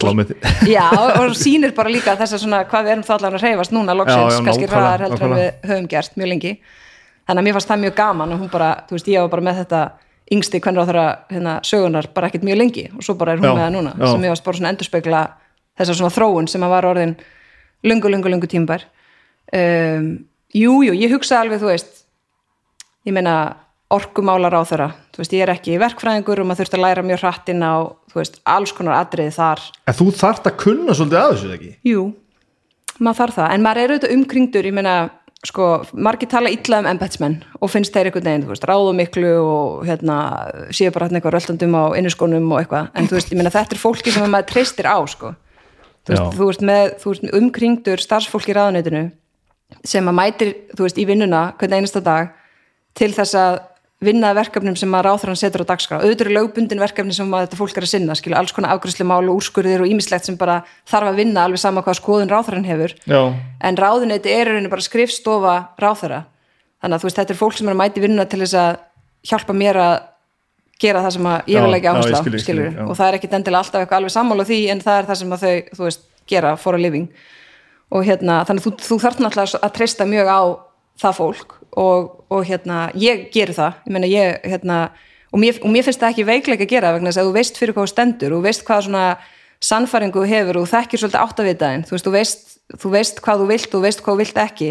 Að þá viltu ymmit fá allar þessar upplýsingar og, og ég, vil, ég, meni, ég vil helst fá sko embætsmenn sem að debutar við mig, þú veist, er að segja herðu, ertu, ertu viss eða þú veist, þetta hefur pröfa og það fór svona og eitthvað til þess að fá fram, til þess að bara undirbúa ákvörðunum sem endanum er tekin eins og vel og hægt er sko. Þannig að maður þarf að læra náttúrulega óbúsla hratt uh, og ég er náttúrulega, sko, þú veist, þú veist með ferðamálin, nýsköpunamál, orkumál, þú veist, samkeppnis eftirliti heyrir undir mig, er mjög sjálfstætt en heyrir undir mig og súlaugjöf, þú veist, félagaréttur viðskiptamál, þú veist, þetta er mjög fjölbreytt, þannig að maður þarf alveg að maður þarf alveg að hlaupa rætt og það hjálpa náttúrulega mjög mikið að vera lögfræðingur. Þú veist, það er ótrúlega góðu grunnur en það er margt annað sem er líka góðu grunnur til að vera í pólitík sko, en, en, en hérna lagan á mér alveg mjög allavega, mjög, það, þú veist, það hjálpar mjög mikið. Akkur er þú með alla þessa súpu? Hva, Það- hva, hva, hva, svona bara er hvað gerist þér? svona bara er hérna fórsett úrskurinn er bara þannig. Að þetta er svolítið fjölbreytt. Þetta er náttúrulega, þú veist, atvinnuvegar ánætti er sjáurútis og landbúnar á þeirra annars vegar, sem er þú veist þá það og fiskeldi og svona matvæla framlýsla og ýmislegt. Og svo er hérna ég með hitt og það er svolítið, já, ég meina þetta er fjö- fjölbreytt en þetta er náttúrulega, þú veist, ég meina í, í félagrétt og viðskiptumálum, þú veist, það er vinna kannski, þetta eru tveir eða þrý starfsmenn í ráðanetinu sem eru með það. Já, já. Veist, þetta er náttúrulega lítil stjórnsýsla sem við erum í. Já, ég skil ég Já. uh, þú veist, neytindamálin, það er í rauninni bara eitt starfsmæður sem er með það skilju, þetta Og það, það, svo, þetta er alveg nóg? Já, ég meina, það væri alveg fínt að hafa fleiri, sko, en, en, en þetta er bara svona, við erum bara ekki stærri stjórnsýsla en það, sko, en já, ég er svona, ég hugsaði, þú veist, þegar, þegar ég, hérna vissi það að ég erði ráþara, að það var svolítið bara, sko, mér fannst alveg frelsandi að vera, sko, þú hefur annars svona öðruvísi svigurum þegar þú ert nýr og þú ert, þú veist, ég var ung og ég var ný og ég gat svolítið bara komið þannig fram og sagt bara, herðu, nú ætla ég bara að byrja á því að hitta fólk sem búið verið í þessum brönsum miklu lengur en ég og ég ætla að fá að hlusta á þau og ég ætla að fá að meðtaka það sem þau eru að segja. Ég ætla að fá að, þú veist, læra. Ég kem bara hér og ætla að gera mitt besta. Þú veist, ég vil bara vera dæmda af verkum mínum í pólitík. Um, ég hérna mun leita til þeirra sem að eru með, þú veist, meiri reynslu en ég. Ég reyði mér aðstofamenn sem að svona vega mig upp, þú veist, ég var hérna fyrst bara með einn í fyrir ríkistjórninni Já. sem er Ólaður Teitur Guðnússon sem var búin að vinna hérna þú veist, blaðamaður í gamla daga og búin að vinna lengi hérna fyrir rannvegu rist. Uh, þekkti, þú veist, ymsa svona geira sem að ég þekkti minna. Þannig og, og svona, þannig að hann gætt, Og svona vísvitandi leitar Já. leitar að svona já, með svona eitthvað sem ég vissi að hérna, bæði þú veist myndi vega mig upp og vissi alls konar um hluti sem að ég vissi minnum. Ok, um, þannig að það, ég held að það hjálpa alveg heldur en að vera, þú veist, þeir eru alveg orðin svona fast mótaður stjórnmálmaður sem að margir eru búin að, þú veist, kynnast og vita hvernig er og búin að vera í þessu lengi, að þá kannski, ég veit ekki hvernig það er en ég ímynda mér að kannski finnst þeim þeir þurfa að vita miklu meira strax á fyrsta degi. En ég Já. sagði bara, herðu, þú veist, hér er ég. Ég er bara þetta gömul. Þú veist, ég geti þetta alveg og ég veit það alveg og ég veit alls konar, en það er ímyndst sem ég veit ekki og nú ætla ég bara að fá að læra það. Bara takk fyrir. Um, þannig að það einhvern veginn og þetta fann maður alveg, þú veist, fólk vissi náttúrulega mjög margir sem vissu bara ekkit hverju var er, Já. þú veist, bara hvaðan kemur þessi kona og hver er að deila. Um, og ég hugsa alveg, minnum mörgum finnst ég ofung og, og eitthvað en ég hafði aldrei ágjörð því ég myndi einhvern veginn ekki sína þeim að ég var alveg fær um að sinna þessu sko. Og mér fannst ég líka bara að hafa hlutverki gegna gagvart bara öllu ungu fólki og konum, En finnst þér þú, en svona på persónulega lefili, finnst þér þú ekki að missa að því að vera ung? Ég er ekki að segja að þú þurfa að gera eins og ég og stofna þú veist þungarhljómsett þú ert komin í 30, sko, það er kannski öfgæðar að vera ekki, veist, að neita að þroskast, sko. En, Nei, nei, ég meina, ég náttúrulega, þú veist, það sem ég hef alveg fundið fyrir er svona, fólk kann að meta það að ég er ekki eitthvað fastmótuð í ykkur pipakökuformin, bara nú er ég stjórnmálamæður um Þúrdís Kolbrún, skilur heldur er fólk svona, herri, já, ég tengi við hana, Þú frekar- bara, bara að vera ung og gera það já, en auðvitað líka, ég meina, fólk stiður það sko og finnst það, það tengir við það, en, en það gerir líka stundum svolítið skrýtna kröfur til manns. Og þegar maður síðan er einmitt bara að vera manneskja að þá fær maður stundum alveg skítin fyrir skrýtnar það? bara ég minna að þú veist, ég fór út að borða með vingur mínum og samfélagi fór hliðina Já, það, já, svoleiðis, já. það var já, svolítið svona En þannig erum við líka að tala um annað, sko, sem er kannski líka ástæðan fyrir að ég fylgist minna með stjórnmálum ætti að gera. Eh, Þessar hausaviðar fara svo hillir í töðadrá mér. Nú er ég ekkert endilega að tala um þetta tilvík, Mhm. heldur sko, í- þe- að því við erum aldrei, ég vil aldrei að tala um það sem að er verið að, verið að tala gera um. nei. Það er bara að vera að tala um, að fólk er bara að hvert á annað og, og vera í hinuliðinu. Uh Mhm. Svo segir bara já, ég held að þú kemur með einhver, stórkostlegt svar. Nei, ég er, ekki með stórkostlegt svar sko, vegna þess að hérna, sko, á tímabili svona í kringum 2010 þá og það var mitt, þú veist, þá var auðvitað pólitíkin á mjög súrum stað, þú veist, það kjörtímabili, ég var náttúrulega ekki á þingi þá en þú veist, það kjörtímabili var mjög erfitt og þungt og persónlegt og þú veist, það gekk ímislegt á í pólitíkinni þá, það var þetta bara, þú veist, eftir hrun og einhvern veginn niðurskurður allstar og hérna ímislegt uh, og ég, ég var alveg svolítið frákverf pólitíkinni þá, þú veist, ég steg svona alveg aðeins frá að hugsa, herðu, þú veist ég áma kannski að reyna að finna kröftu sínu fara bara eitthvað annar starf, heldur en að vera að taka þátt í þessu félagstarfi en svo bara dregur þetta mann alltaf já, af því að það er svo það er alltaf spurning um svona viðþorf og hvernig þú ferð inn í þetta og það er alveg eftirspurning eftir því að bakka eins út úr þessu sem þú ert að lýsa og fara í einhvern annan farveg en það er samt þannig að um leið og eitthvað bjátara um leið og eitthvað gefur eftir, um leið og tækifæri gefst til þess að hjólikuninn í eitthvað ómálumlega, Já. að þá virðist fristingin vera töluverð sko.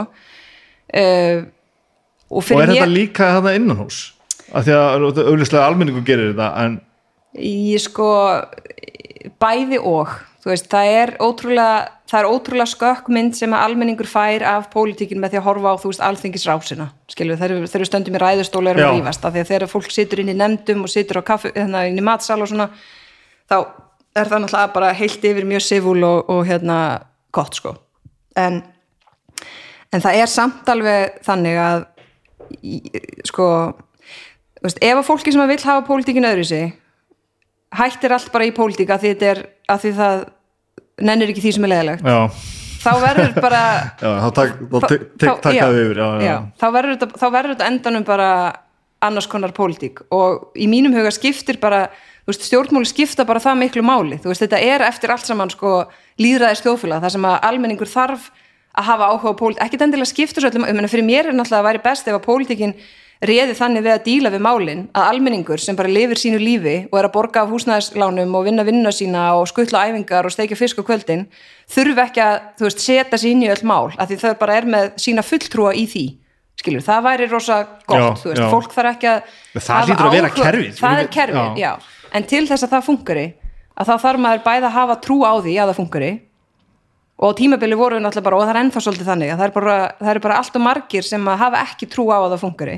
Og það er ekki vandamál almennings, það er vandamál okkar sem erum í stjórnmálunum að, að við njótum ekki meira á traust sem við gerum. Það er út af einhverju og þá þurfum við einhvern veginn að reyna að laga það. Já, og ég held við lögum það ekki með því að viðhalda einhvern veginn svona svona gömlu einhvern veginn umræðahæðinni og vera Nei. í endalösu skítkasti sko. alltaf fyrir svona gúba eins og mig sem að þú veist, veit ekkit um þetta og einhvern veginn aldrei, aldrei haft áhuga á þessu og stundum ég að verið upp á kant þá er þetta rosa óaðgengilegt manni líður eins og ég, þú veist að ég eigi engan aðgang hann, þetta sé ekkit minn leikur sko. Maður- en svona þetta sem árið liðar ég svona allavega fyrir kostningar Mhm. er ég nú svona allavega fann að lesa það sem að mér er rétt og svona að kynna mér sem er að Já, gerast já, já. en ég fæ samt alltaf tilfinningunum bara þetta er ekkit fyrir mig, veist, ég, það er ekki ég er ekkit með þessu. Nei. sem er náttúrulega sjálfsögur líka mér að kenna, ég þarf náttúrulega að bera mig meira eftir því, en enga síður Já, nei. og ég held að þetta sé, þú veist, held að sé mjög mörgum sem að líður svona og svo, svo getum við haft skoðan á því, sko, veist, við erum í kjördami þannig að þú ert með þá fyrirfram, að því þú býrð ykkur staðar þá ertu með fyrirfram ákveðin hóp þú myndir kannski freka vilja kjósa okkur sem er í öðru kjördami og menn getur síðan haft skoðan á því hvort við eigum að vera með, þú veist, kerfi svona eða einhvern veginn öðru sí, en, en hérna eitthvað kerfi þarf samt að, þú veist, hafa. Og ég meina, ég hef alveg áhyggjur af því að bara í löndum í kringum okkur er bara fólki vaksandi mæli til í bara, sé bara ykkur eitt sem ráða þessu. Finnst bara veginn átti frekar þessa- ofmyndi dæmi, sko. ég átti þess að samræða við vinnminn um daginn sem að hann bara færa rauk fyrir bara við þurfum bara næs innræðisæla og það, eru sko. Er, er það frábær hugmynd sko, en það er náttúrulega svona já, það eru, við sem séu dökkar hliðar á því, Já. en þurfum að tala um þetta drull þetta persónulega drull. Já, ég sá hérna, við, við talum við hérna Katrínu um daginn, þar sem hún var spurðað í hverju minni þetta er gott að vinna með. Þú veist, það, var að tala um, vorum, það var einu sama umræðan og við erum í hérna sko. og hún sagði að er alltaf þótt opuslega gott að vinna með Bjarnar Ben. Og, og svo, svo fór að stapra svona kaffistofu umræða það sem að var að velta fyrir sig hver anskot hann nú var að meina með því af því hann á að vera bara erki óvinnur að hvað, viltu að þessi Einmitt. er það í alveg það sem mást að sækast þetta viltu að fólki, þitt, fólki sem þú kaust sé óvinnir þess sem þú kaust ekki? En, mér- mér- en pældi sko styrkleganum hjá Kötu. Hún veit alveg að hún, drulluna sem hún færi yfir sig fyrir Já, að segja já. það. En hún segir það samt. Já, þetta er- glæsilegt, sko. Já, af því þetta er það sem að henni finnst, af því Já. að hún þekkir hann og hefur unni með honum í mörg ár. Já, Skilur, þau er og- alltaf búin að vera þingi saman í mörg ár Al- og svo og hún núna var í þessu augljóslega að segja stjórnarsamstarfi. satt hún sagði bara að það, það var bara og hvort er þá heilbreyðara að sko stíga fram eins og þau gera? Og ég meina þau, þú veist, þau, þau hérna, taka rökræðin um skilur allt, ég meina þau eru náttúrulega mjög ósamalega um mjög marga hluti, Já. en samt segir hún þetta, þú veist, sem að, þannig að ég segi, þú veist, hvort viljum við hafa fólk eins og kötu jaki pólitík eða ekki, þú veist, það er enginn að segja mér að allt við pólitíkina finnst henni geggjað sko nei, nei, en, en hérna, ég meina ég vinn með kötu þú veist, meina, við erum alltaf bara í ólíkum flokkum og mjög ósamála um mjög margt en við erum líka alveg sammála um ímislegt sem að skarast á þetta flokkakerfin alltaf er allt svona þess að breytast þú veist, þú, ert með alveg? Já, ég meina, þú, ég meina ég er alveg með fólk, sko, eins og sjálfstæðarflokkun er alltaf breyðfylking, þú veist, það bara er, það er, svo, það er svo margir í honum og fólk getur haft mjög mismunandi skoðanir innan flokks, þó þú sért með eitthvað svona rauðan þráð sem að saminar okkur. Og það er svona ópenbæra lindamáli velgengni sjálfstæðarflokksins, það er bara þessi rauði þráðu sem við saminust um, þessar hérna, grundvallar svona eitthvað skoðanir. En ég get alveg setja á fundu með fólki úr sjálfstæðarflokknum og hnakk reyðust við það því að ég bara er alls ekki sammálaði svo get ég alveg átt eitthvað samtali úr kötu þar sem við erum alveg sammála ef það er um eitthvað svona eitthvað ákveðin málefni. Ég get ekki verið að ræða kannski skattamál við hana eða, eða hvert er hlutverk ríkisins eða hversu, hversu jákvætt en neikvætt það er að einhverju engaðalar fá að hjálpa til við þjónusta í heilbriðiskerfinu og svoleiðis, við erum ekki endilega að ná saman um það en það er ímislegt annað sem við náum saman við. Og hérna eða um og, og hérna Katrin er, þú veist, til dæmis bara þannig stjórnmálmaður, mér finnst sko forréttind að fá að vinna með henni. Já, og ég hérna læri af henni. Og það er ímislegt sem hún getur lært, sko, að, bara verandi þú veist, kona í pólitík, að þá er ímislegt sem ég get lært af henni að því hún er kona í pólitík, sem er erfið að kannski læra af, þú veist, kallmanni í pólitík, að því það er bara öðru vísi, þú veist, það er bara þannig. Og mjög, mér finnst til dæmis gott að finna, þú veist, að hún leifir sér svolítið að vera bara hún sjálf þú veist, og hún leifir sér að vera með hérna, svona þær tilfinningar sem hún er með og allt þetta á þess að vera, taka ykkur meira áttar ákvarðanir byggður á tilfinningum en ekki rökum og staðrendum, já, sko. já, já. uh, þannig að þú veist við viljum pólitík þar sem að svona fólk er í pólitík og frekar þá að vera heiðaleg með það um hvað við erum ósamála eins og, þú veist, eins og það að hún segi að það sé óbúslega gott að vinna með Bjarnar Benediktssyni en það er ekki þar með sagt að, að hérna, þau sé að fara að reka sem pólitíkina sko. Nei, nei, en það var alls ekki að segja það nei, en það er einhvern veginn það er einhvern veginn hérna, þess að segja, sko, þú veist, almenningur vill sko öðru sér stjórnmál Já, en svo þegar að það er gert að þá eru líka mjög margir sem að vilja freka verið skotgrunum sko. uh, og ég veit ekki hvort það er sama fólki eða hvort þetta eru mismunandi hópar en ég meina pólitíkin hefur náttúrulega þú veist, var fyrir opaslega miklu höggi þannig að eftir hrun og hefur ekki náð sér eftir það og, og ég held að þú veist ég held að við munum þurfa að leggja okkur mjög fram um það að við halda bara svona líðræðsleiri umræðu og, og hérna og því að, að stjórnmál skipta ykkur máli og að fólk, þú veist, kjósi til þess að hafa ykkur áhrif og svona heldur en hitt, sko. Ég hef alveg áhyggjur af því að, að að svona, og maður sér það bara meni, horf, þú veist, maður fylgist eitthvað með pólitík bara svona í kringum sín, hvort sem það eru, þú veist Bandaríkin eða einstaka Evrópulönd og svona, þetta er þetta er ekkit bara, bara endalaus framfaraskref sko, Nei. mannkynnsagan er ekki þannig að við séum alltaf að taka þú veist, það er bara því miður alls ekki þannig og það þarf að hafa mjög fyrir því að að halda okkur svona réttu megin sko. það er eitthvað skrítið við það? Uh, ég sá þetta einhvers um daginn. Já, ég sá yfir öxlunum bróðum mín og hann var að horfa einhver heimild að þætti um Trump þetta kemur Trump ekkert við. Mhm. en það var einhver sem að hafði unni með honum hafði unni þannig að prentist þátt eða eitthvað. Og hann sagði þessum svo að, að, að Trump upplifar aldrei að hann hafi ná árangri eða, eða sigrað eitthvað nema einhver annar tapi. Einmitt. Og nú er ég alls ekki að tala um Trump nú er ég bara að tala um heilt yfir. Mm þetta er ótrúlega skrítið að vera einhvern veginn í einhverju jobbi þar sem þú ert svona að reyna að ná, sjá til þess að öll mál séu eins, eins smúð og allt, öllum líði sem best en þið líður samt ekki eins og hafi ná árangur nema að hafi sigrað einhvern annan sem var ósamalæðis Einmitt. og sumir í pólitík eru alveg fastir þar sko. og er, ert þú að díla við þetta og er, er fólk svona? ég held alveg að sumir sko, ég held alveg að sumum líði þannig að þeir hafi umverulega ekki nárangur nema þeir séu alveg vissur um að hinn hafi einhvern veginn tapað sko. en ég myndi ekki segja að það væri ráðandi Nei. ég myndi ekki segja það um, og þú veist, svo auðvitað ég meina við erum með stjórnar andstöðu núna sem er náttúrulega mjög ólík innbyrðis.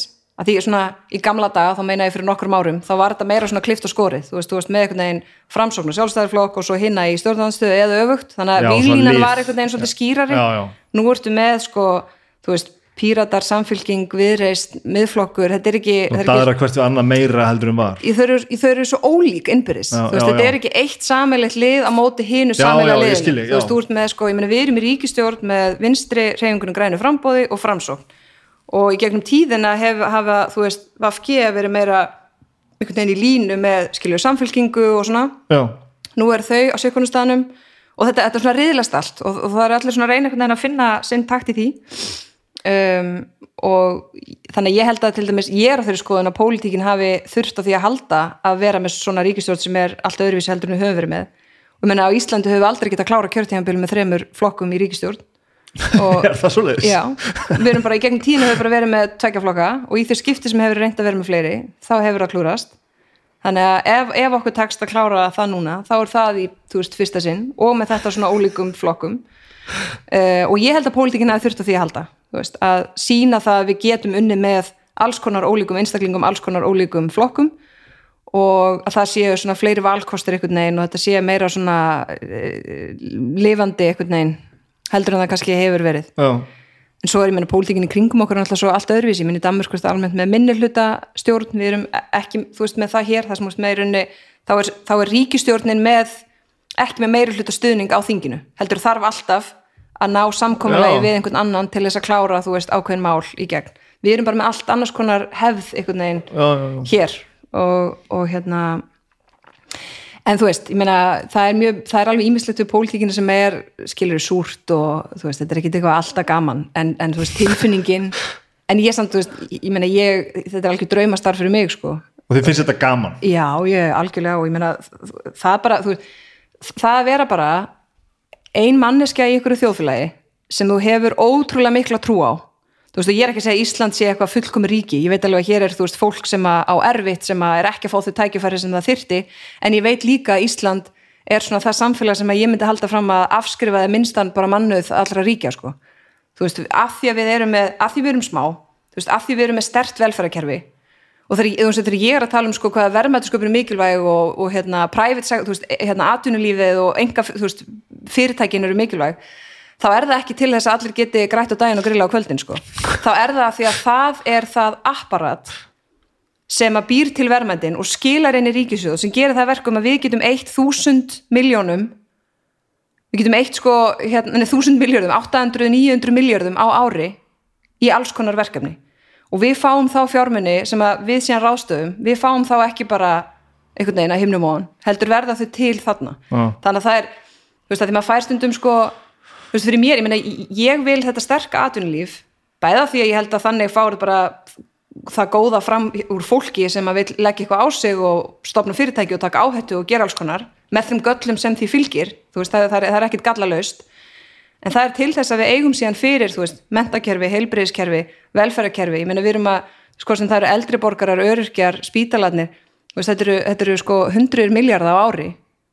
Og það, það er einhver sem býr þessa peninga til sko til þess að við getum, þú veist, haldið upp þessu kerfi. En af því að við erum með þessi sterka, sterka velferðarkerfi og, og mínu vit er við ég meina hvað heldur þessi mörg lönd það sem manneski svo ég væri varaformaður stærsta stjórnmálaflokki í landinu og væri ráþara mm -hmm. ég held að sé ekki droslega mörg lönd Nei, sko það er ekki eins og ég sé með sko afa aftur í ættir sem að allir voru þingmenn og bankastjóra sko. Sé ég er bara pjúra pöpull á skaganum, Já, já. skiluru sem að er með áhuga á pólitík og einhvern veginn læt slag standa Já, og fæ tækifæri veist, og ég er ekki alltaf að frema að allir fá tækifæri en ég er samt að segja að við séum samfélag sem gerir betur en flest önnur í því að tryggja að fólk allavega hafi tækifæri til þess að þú veist, gera eitthvað gott og þeir sem að síðan hafa það alls ekki að þá erum við allavega með þú veist, eitthvað öryggisnet sem að grípur það Já. og ég er ekki að segja að það öryggisnet get ekki verið sterkara eða öðruvísi eða eitthvað en við erum samt, þú veist, með það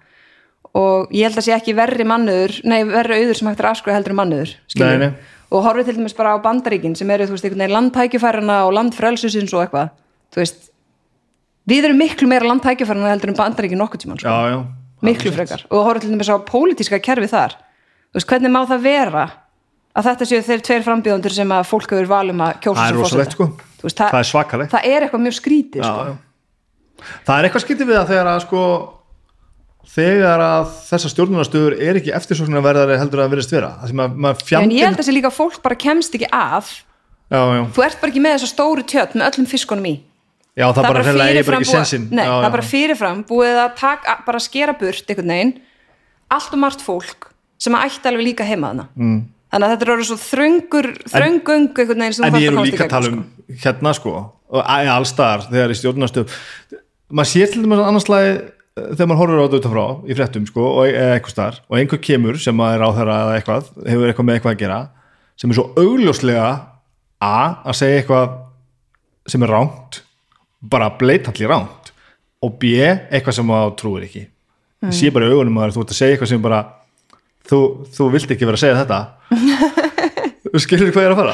Já, og þá er svona bara, akkur getur ekki bara sagt það sem að er satt og þér finnst. Hva, hvað kemur þetta og, og, og, veist, ekki segja mér, þú lendir aldrei í því að þú sittur einhvern fundið eða eitthvað staðar mm. og það er eitthvað sem segir eitthvað við og þú bara, ha nei ég meina sko þú veist, auðvitað ég held, þetta er ótrúlega flókið af því að ég held að hluta, hluta ástæðan fyrir því að fólk einhvern veginn missi svolítið móðin gagvart stjórnmálunum er að þú veist þessi mantra um að þegar þú- kemst til valda þá breytist þetta og hérna, þegar þú fyrir ríkistjórna þá ertu bara með og hinur á móti og eitthvað svona. Um, og auðvitað er það þannig að ég meina ímyndar, sko, þú ert í ríkistjórna sem eru þrýr mismunandi flokkar. Og svo ertu með stjórnaflokka þar sem eru það þingmenn þú veist flokkana, þá ertu komið stærri hóp og þeir eru, þetta eru ótrúlega mismunandi einstaklingar með mismunandi skoðanir, mismunandi þú veist, allir með sinn metnað, allir svolítið í keppni hver við annan og Já, allt þetta skilur akkurat. og, og hérna, þú þarft að halda þessu liði einhvern veginn öllu saman þannig að ef að hver einasta ákvörðun sem tekin væri væri þannig að allur þessi hópur e, myndi alltaf segja nákvæmlega það sem honum finnst og hvað myndi vilja gera öðruvísi að þá held ég að við værum komin í ykkur svona, þú veist, eik, einhver stjórn einhvern veginn þarf að vera, veist, og mála miðlun gengur náttúrulega út á það, þú veist að sætta þig við að taka ykkur ákvörðun sem er kannski aðeins önnur heldur en þú hefði viljað, en það er gert til þess að, þú veist, með ykkur skýr markmið og til þess að einhvern veginn komast áfram, skilur Þannig, að þú ert stundum þegar þú segir frá einhverju ertu svolítið að representa eitthvað sem er svona eitthvað sem hefur verið ákveð eitthvað veist. punkt sem var búið að komast já, á já. í rauninni burt sér frá því hvað þér já og það er svolítið svona og það, það á við bæði þú veist innan sko sjálfstæðisflokksins og í ríkistjórnar samstarfi að sko menn geta tekist á þú veist, fólk getur tekist á um leiðina sem á að fara og hvernig á að fara hana og þú getur komið fram og sagt herðu, þú veist, mér finnst rámt að gera þetta svona að því að og færi rauk fyrir því og eitthvað og svo verður eitthvað niðurstaða sem að er einhvern veginn samþygt í hópnum mm. og þá verður maður svolítið að, að hérna, ganga þannig í takt og segja ok, þú veist, Já. þetta var niðurstaðan í þessu máli en skilurðu. lendur þá aldrei því að þurfa bara að segja eitthvað sem þú bara trúir alls ekki á? Ég hef ekki ég hef ekki lent í því sko. Um, ég er búin að vera í þessu tæp fjögur ár. Þú veist hvort það komis á en þá náttúrulega hefur líka alltaf eitthvað valkosti sko. Ég meina þú getur alltaf bara sagt þið frá embætti. Ef þú segir, heyrðu, nú erum við bara komin á þann stað að ég treysti mér ekki til þess að fylgja þessu eftir ég held að Já. sé bara eitthvað betri til þess fallin sem að hérna er svona meira trúr veginn þessari niðurstöðu Þannig komið nú að breyskleika manneskjuna sem að vil nú ekki sleppa stöðinu sem hún er í. Nei, nei, alveg, það er alveg rétt. Og, hérna, og eins og ég segi, svo, svo ert þú sjálfur kannski með ykkur mál sem að þú vilt gerðan koma áleiðis, vitandi að það er ekki allir sem munu stökka á henni fyrstu tilraun en þú þarft að taka slægin og reyna ná, þú, þá ertu tilbúin kannski að gefa eitthvað eftir í málinu gegn því að þú veist, fleiri komi á það þannig að þú náur allavega einhverjum skrefum, þannig að þú ert til dæmis að breyta ykkur regluverki og þú myndir vilja breyta tíu aðdröðum en á endanum breytur í sjö og jafnvel breytur einu sem þú hefur ekki vilja breyta en þú gera samt til þess að fá meir hlutan einhvern veginn með á málið Þú veist, þetta eru þetta, svo getur alveg fólk bara haft alls konar skoðunur því og sagt, já, ég menna að þú ætla bara að vera trúr þinni samfæringu og alltaf að eilifu í öllum málum og gefa ekkit eftir að þá, en þá er ég bara ekki sem pólitíks í starfi fyrir þið, sko. Af því að, Já, já, þú veist, ok. að þetta er, þetta er svo mikið, og þú veist, það er alls konar fólk sem að kaust til að mynda þennan hóp og það er fyllt af fólki sem að stiður þessa ríkistjórn sem að stiður ekki það sem að ég stend fyrir. Þannig að maður þarf líka eins að, Já, þú veist, þú mátt ekki gleyma í hvað umbúðu þú ert en þú, þú ert samt svolítið, þú berða þess meira ábyrð heldur en það að vera einhvern veginn þú veist, ég er auðvitað bara ráþur við málaflokkum sem að, þú veist, þú ber bara ábyrð á þeim málaflokkum, alveg óháð því sko, æ, þú veist það, það er fólk sem að mikið undir í þeim málaflokkum sem að kýsa ekkit endilega mig, þannig að þetta er svona hluta til er þetta, þarf að vera svolítið stærri heldur en bara, þú veist, þitt ég ætla ekki að segja ego, en það er samt svolítið svona, þú þarft alveg að skafa af egoðinu það ætlar að vera í pólitík, sko, Já. og þú þarft að læra svona málamiðlanir án þess að gleyma sko fyrir hvað stendur og, og hérna, af hverju fúst í pólitík, sko mm. uh, þannig að það er alveg svona þú veist, og, og, og menn bara, ég held að fólk finnir sig misjaflega í, í slíku, sko og, og meta það með mismunandi hættu og svona Hvernig með bara, bara, eh, pers, bara persónulega hægi, bara, enga, bara engali, um þú út að dema með vinkonuðinum, allt inn í það, þú veist, ánum fréttamatur, veist, alltaf óheppilega upp á að koma það saman, en allt annað, hvað, hvað breytist við þetta þegar maður, veist, uh, ég, ég reikna með að eigi bara eðlilegt heimili og já, fjölskyldu já, já, já, já, já, algjörlega. Um, hérna, ég náttúrulega á bara þú veist, sömu vini og ég átti og, og hérna, þú veist, ég bara með minn mann og mín tvö börn og mitt heimili og mínu fjölskyldu og, og það allt, þú veist, en um, og við erum alveg, þú ert alveg pyrruð á bóttanum á, móttanum að drölla með trúsi Já, og, og hafragrautur út um allt og já, við erum já, alveg þannig já, já, já. Og, og það er svona kannski það sem að heldur manni sein sko, það er einmitt það, þú veist að, að fá að hérna randa yfir því að einhversi og lengi klæða sig í skóna og, þú veist, og eiga eftir að ryksuga og þurfa að brjóta saman þottinn og hérna, og hendi þóttavælina og skipta rúminu og þurrka af og þetta sko, það er nú eiginlega fyrir mér svona bara eitthvað Uh, þannig að þó ég sé búin að láta eftir alls konar heimilstör sem ég áður syndi að þá er samt, þú veist, mér finnst ekki leðalegt að til dæmis halda heimilum mínu hreinu og fínu, það er bara mitt svona þú veist, það er minn griðastæður og það er svona það sem ég er svona slaka á, sko. En það er kannski helst bara auðvitað, maður er svona meðvitaðri, já, þú veist, ég er ekki og mér, og mér fannst það til dæmis mjög skrítin tilfinning fyrst eftir ég var á þeirra, að ég væri ekki bara Þórtis Kolbrún, heldur allt í stjórnmálamæðurinn Já, já. Og, og, hérna, og ég var svolítið svona, en ég er ennþá bara dísa sko, veist, það hefur ekkert eitthvað breyst. Ég bara fekk nýja vinnu, uh, og í pólitík náttúrulega verða þessi skil svo óljós, þú ert ekki annarkvort í vinnunni eða dísa.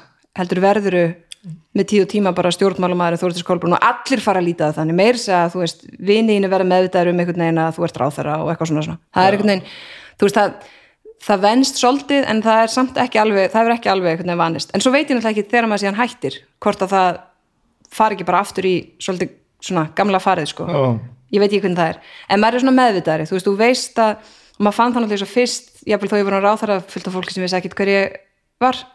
Um, tölvört fleiri við það núna þannig að þú maður tekur alveg eftir því að fólk þekkir andliti og svona, þú veist lítur tvisvar og þannig að þú verður svona meðvitaðar einhvern veginn, ekki þannig að mér finnst ég alltaf þurfa að vera einhvern veginn uppstrílu og krakkanar aldrei með tómatsós á fötunum sínum en, en samt svona maður verður já. og það er kannski það. Og stundum verður maður alveg smá þreytur og þurfa alltaf að vera meðvitaður skilur, Já, eins og til sem að fara til útlanda fyrir mér er eiginlega mest bara að vera eitthvað starf sem að bara engin veit hver ég er og bara fólk er að tala útlensku og öllum er drull einhvern veginn. Og maður er bara það er alltaf svona pínu spenna í því að þurfa að taka við því að vera þessi ráþara Já. já, já, það er svona það sem að það er kannski helst það en eins og ég segi það eru auðvitað mjög margir sem að þú veist bæði eins og þeir sem voru ráþurar uh, eftir hrun þú veist, Já. fengum mun meiri svona bögg áreiti og svona ljótt áreiti Já, heldur já. en kannski, þú veist, ég verð fyrir en skilur er þetta almennt frekar svona respectable þú, Já, já.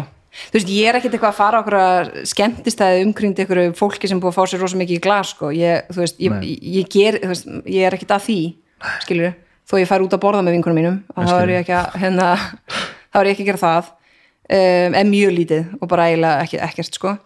Uh, en það er líka auðvitað, ég meina, maður finnur auðvitað líka alveg fyrir því að fólk er, þú veist, þakklátt fyrir að maður nennastandi í þessu, þú veist, Já. það er þakklátt fyrir að maður, hérna, fyrir það sem maður er að gera.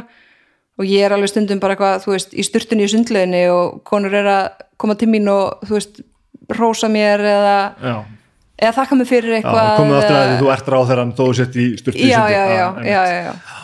þannig að þú veist, það er ekki eintóm, sko, það er ekki eitthvað eintóm leðindi en, en þú veist, það er svona það er viðvarandi þessi svona meðvitund sem að og svona, þú þarft alltaf að vera prepared þarft alltaf að vera viðbúin svona En þá verkefnilega sé, ertu ekki alltaf ráþara líka? Líka bara Jú. klukkan 12 á Jú. nóttunni þegar að, þú veist, eitthvað sem á, þú ert að fara að gera morgun og að svo eru náttúrulega bara líka að tala um bara, bara velferð fólks, þú ert ekki, þetta er ekki djók. nei, nei, ég menna það, þetta er þetta ótrúlega mikil þetta er þetta heil mikil ábyrð þú veist og maður, það er náttúrulega þessi svona lífstíl svolítið, þú veist, Já. að vera stjórnmálmaður er held ég alveg lífstíl, en það auðvitað við um alls konar störf, ég menna það er fullt af fólki alls konar ábyrðstöðum þar sem það er alltaf á vaktinu sko, það er ekki svo það, þú veist, það er ekki svo pólitíkin sé eitthvað sér að báti þar Nei, nei, nei. en það er svona þessi lína kannski að þú sért sko já, við hvað starfar og hver þú ert hún verður mjög blurry hún er svona hún er einhvern veginn ná, ég segi ekki um hverfi en hún er samt svolítið og þess vegna kannski líka finnst manni gott eins og þegar ég hitti þú veist æsku vingunum mínar. Það er kannski helst þar og hjá fjölskyldunni þar sem maður er einhvern veginn bara dísa veist, og, þá, og þess vegna finnst manni svona notalegt að fara í svona svona, svona reynan tæran vinahóp þar sem að maður getur bara verið með sjálfur og það er einhvern veginn, þú veist maður er er minna svona stjórnmálamæðurinn. Ætli fólk að í þetta almennt? Það eru stjórnmálamenn. Já, ætli fólk að hafi svona, ég, hel, ég vona það. Ég hef allavega svona, ef ég reyna að hugsa um svona fólk í kringum mig þá held ég nú að flestir séu þar. Um, en auðvitað ferður síðan sjálfkrafa líka að eigða frítíma með alls konar fólki sem einhvern veginn tengist þér vinnulega séð sko, það er svona, þú veist en það er bara eins og a- öðrum vinnum líka sko. Já, já, og það þetta líka að verða, þú veist, góðir félagar en, en það er bara svona alltaf öðru vísi samt. já. þegar ég var að vinna í Já, þá fórum maður þryggja tíma ferðir Mhm. og að versta sem maður getur gert með fullan bú- bát og túristum í þryggja tíma kvalaskoðunarferð það er að sjá kval stökkva eftir svona 20 mínútur já, þá ertu maður að toppa ferðina Já. og þú verður að þrauka í 2,5 tíma í viðbót sko. Hva- líður þér ekkert svona þú veist, ég, sko ég þa hef, þetta alveg, er svolítið markmið að vera alltaf bara ráð þeirra, þetta er ekkert eitthvað djók ég hef alveg verið spurðað þessu bara hefur gerist þetta ekki full hrættjöður hvað ætlar að gera svo? Er þetta ekki bara downhill eftir þetta? Uh, sko ég veit ekki hvað ég ætla að gera eftir þetta þú veist, ég hérna en þú sérð eftir þetta samt? Ertu, horfur eitthvað þú veist, handan stjórnmálana já, já, já, jésús minn. Þú ætlar ekki að vera í stjórnmálana bara, nei, ok. nei, ég ætla, eða sko að því veist, minn veruleiki er bara Þorsteinn Pálsson sem bara var, var, var, var bara þingmaður þegar ég var lítill og ég sá hann bara fyrir mig bara að vera þingmaður bara þá að yfir líki sko. nei, auðvitað er maður pínus meikur þegar maður svara svona því að svo kannski verði ég bara í alvörin eftir 20 ár bara eitthvað, þú veist heilbrið sá 30 ár eitthvað ríokæft en þarna, ég held samt ekki sko, og þú veist, eins og ég sagði á hann ég meina þegar ég fór inn í þetta þá hugsaði ok, ég get verið inn í 12 ár og þá er ég bara eitthvað fertug og náttúrulega eftir því hvernig þetta endar þú veist, ef, ef maður lendir bara í einhverjum stórkurslega vandræðum Já. þá náttúrulega getur verið eitthvað kannski ves að, þú veist, finna eitthvað annað að gera já, já. en hérna ég held ég verði ekki í pólitík eitthvað alveg að eilífu um, og maður þarf bara að vera undir, þú veist, þegar þú fer í pólitík þú, þú hefur ekki alla stjórn sjálfur sko. þú veist, þú ert þannig í umboði annars fólks það er ekki þannig að þú ráður bara Já, gegnum einhverja ráningaskristofu ákveða bara, að vera stjórnmálum Nei. nei. nei, það er rétt náttúrulega þú veist, þú, þú ert þannig í umboði annara þannig ef að það fólk telur þig ekki að vera í þessari vinnu þá getur það tekið af þér ef, ef að eitthvað kemur upp sem að gera það að verkum að þeir eru bara ekki stætt lengur, þú veist, þá er það líka eitthvað sem stundum þú hefur ekki stjórna og þarst að bara tilbúin að hætta. Um, og svo þetta, ég meina það að vera í ríkistjórn eða stjórnar andstöður, þetta er mjög ólíkt. Þannig að ef að til dæmis maður færi gegnum kostningar og væri stjórnar andstöðu þá er það auðvitað allt annar hlutverk sem að maður þyrfti þá að læra á. Það er örugglega mikil viðbröði að vera í sko, vera framkvæmdavald og hafa, þú veist, svona mikil áhrif og geta hreift hluti svona rætt og vera síðan í stjórnar andstöðu svona en það, er, já, en það er auðvitað ótrúlega mikilvægt hlutverk í stjórnmálum að vera í stjórnarandstöðu og það þarf að sinna því, þú veist, almennlega Já, já. þannig ef að það væri verkefni þá er það bara eitthvað sem ég held að maður myndi læra mjög mikið á uh, þó maður hafa alltaf metna til þess að þú veist, ná fram markmiðum sínum skiluru, í pólitík, þú veist og maður ná að byggja á því sem maður stendur fyrir sem er að þú gerir betur eða þú ert í ríkistjórn heldur en í stjórnarandstöðu að þú þú hérna, að að þú veist, ég hérna ef að ég hefði sjálf skrifað eitthvað Excel-skjál með einhverjum, einhverjum tímasetningum þú veist, auðvitað gerist þetta mjög hratt.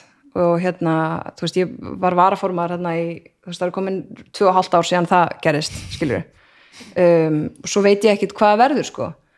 En þú veist, hvort að maður muni einhvern tímann leiða sjálfstæðisflokkin um, sem væri náttúrulega risastórt verkefni og kona hefur til dæmis aldrei gert. Mhm.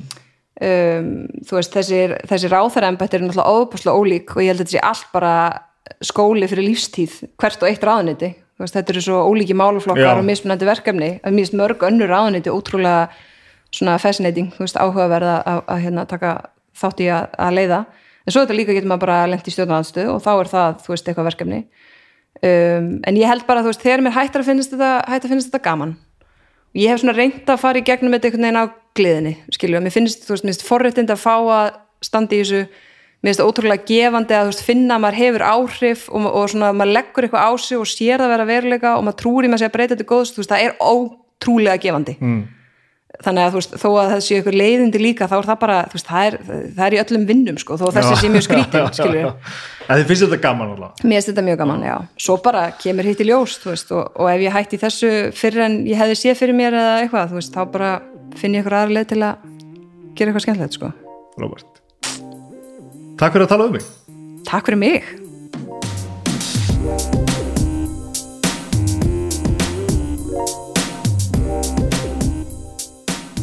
Þannig hljómaði þetta Þannig hljómaði þetta Það var ekki beint eins og hún væri að að drífa sig á, fund með ríkistjóninni þegar hún var í þessu viðtalið hún var bara veginn allur slakkin í heiminum og hún var til í allt og, og svona, hún er auðvitað vön að tala, maður fann það, ég þurfti ekki að draga upp rauninu hlutina.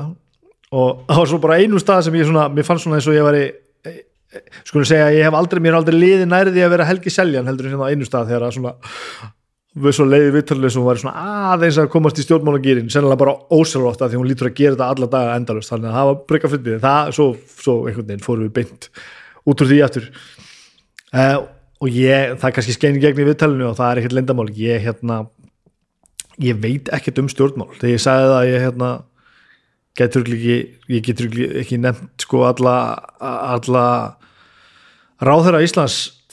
Ég get ekki gert það þó ég fengi borga fyrir það sko þannig að, og það er ekkert töff og vorandi vexi upp úr því að fylgjast ekki með lífinu kringum mig, þetta er svona ég lofa bót og betrun. Ég hlýta að fara að fullotnast eitthvað pínu.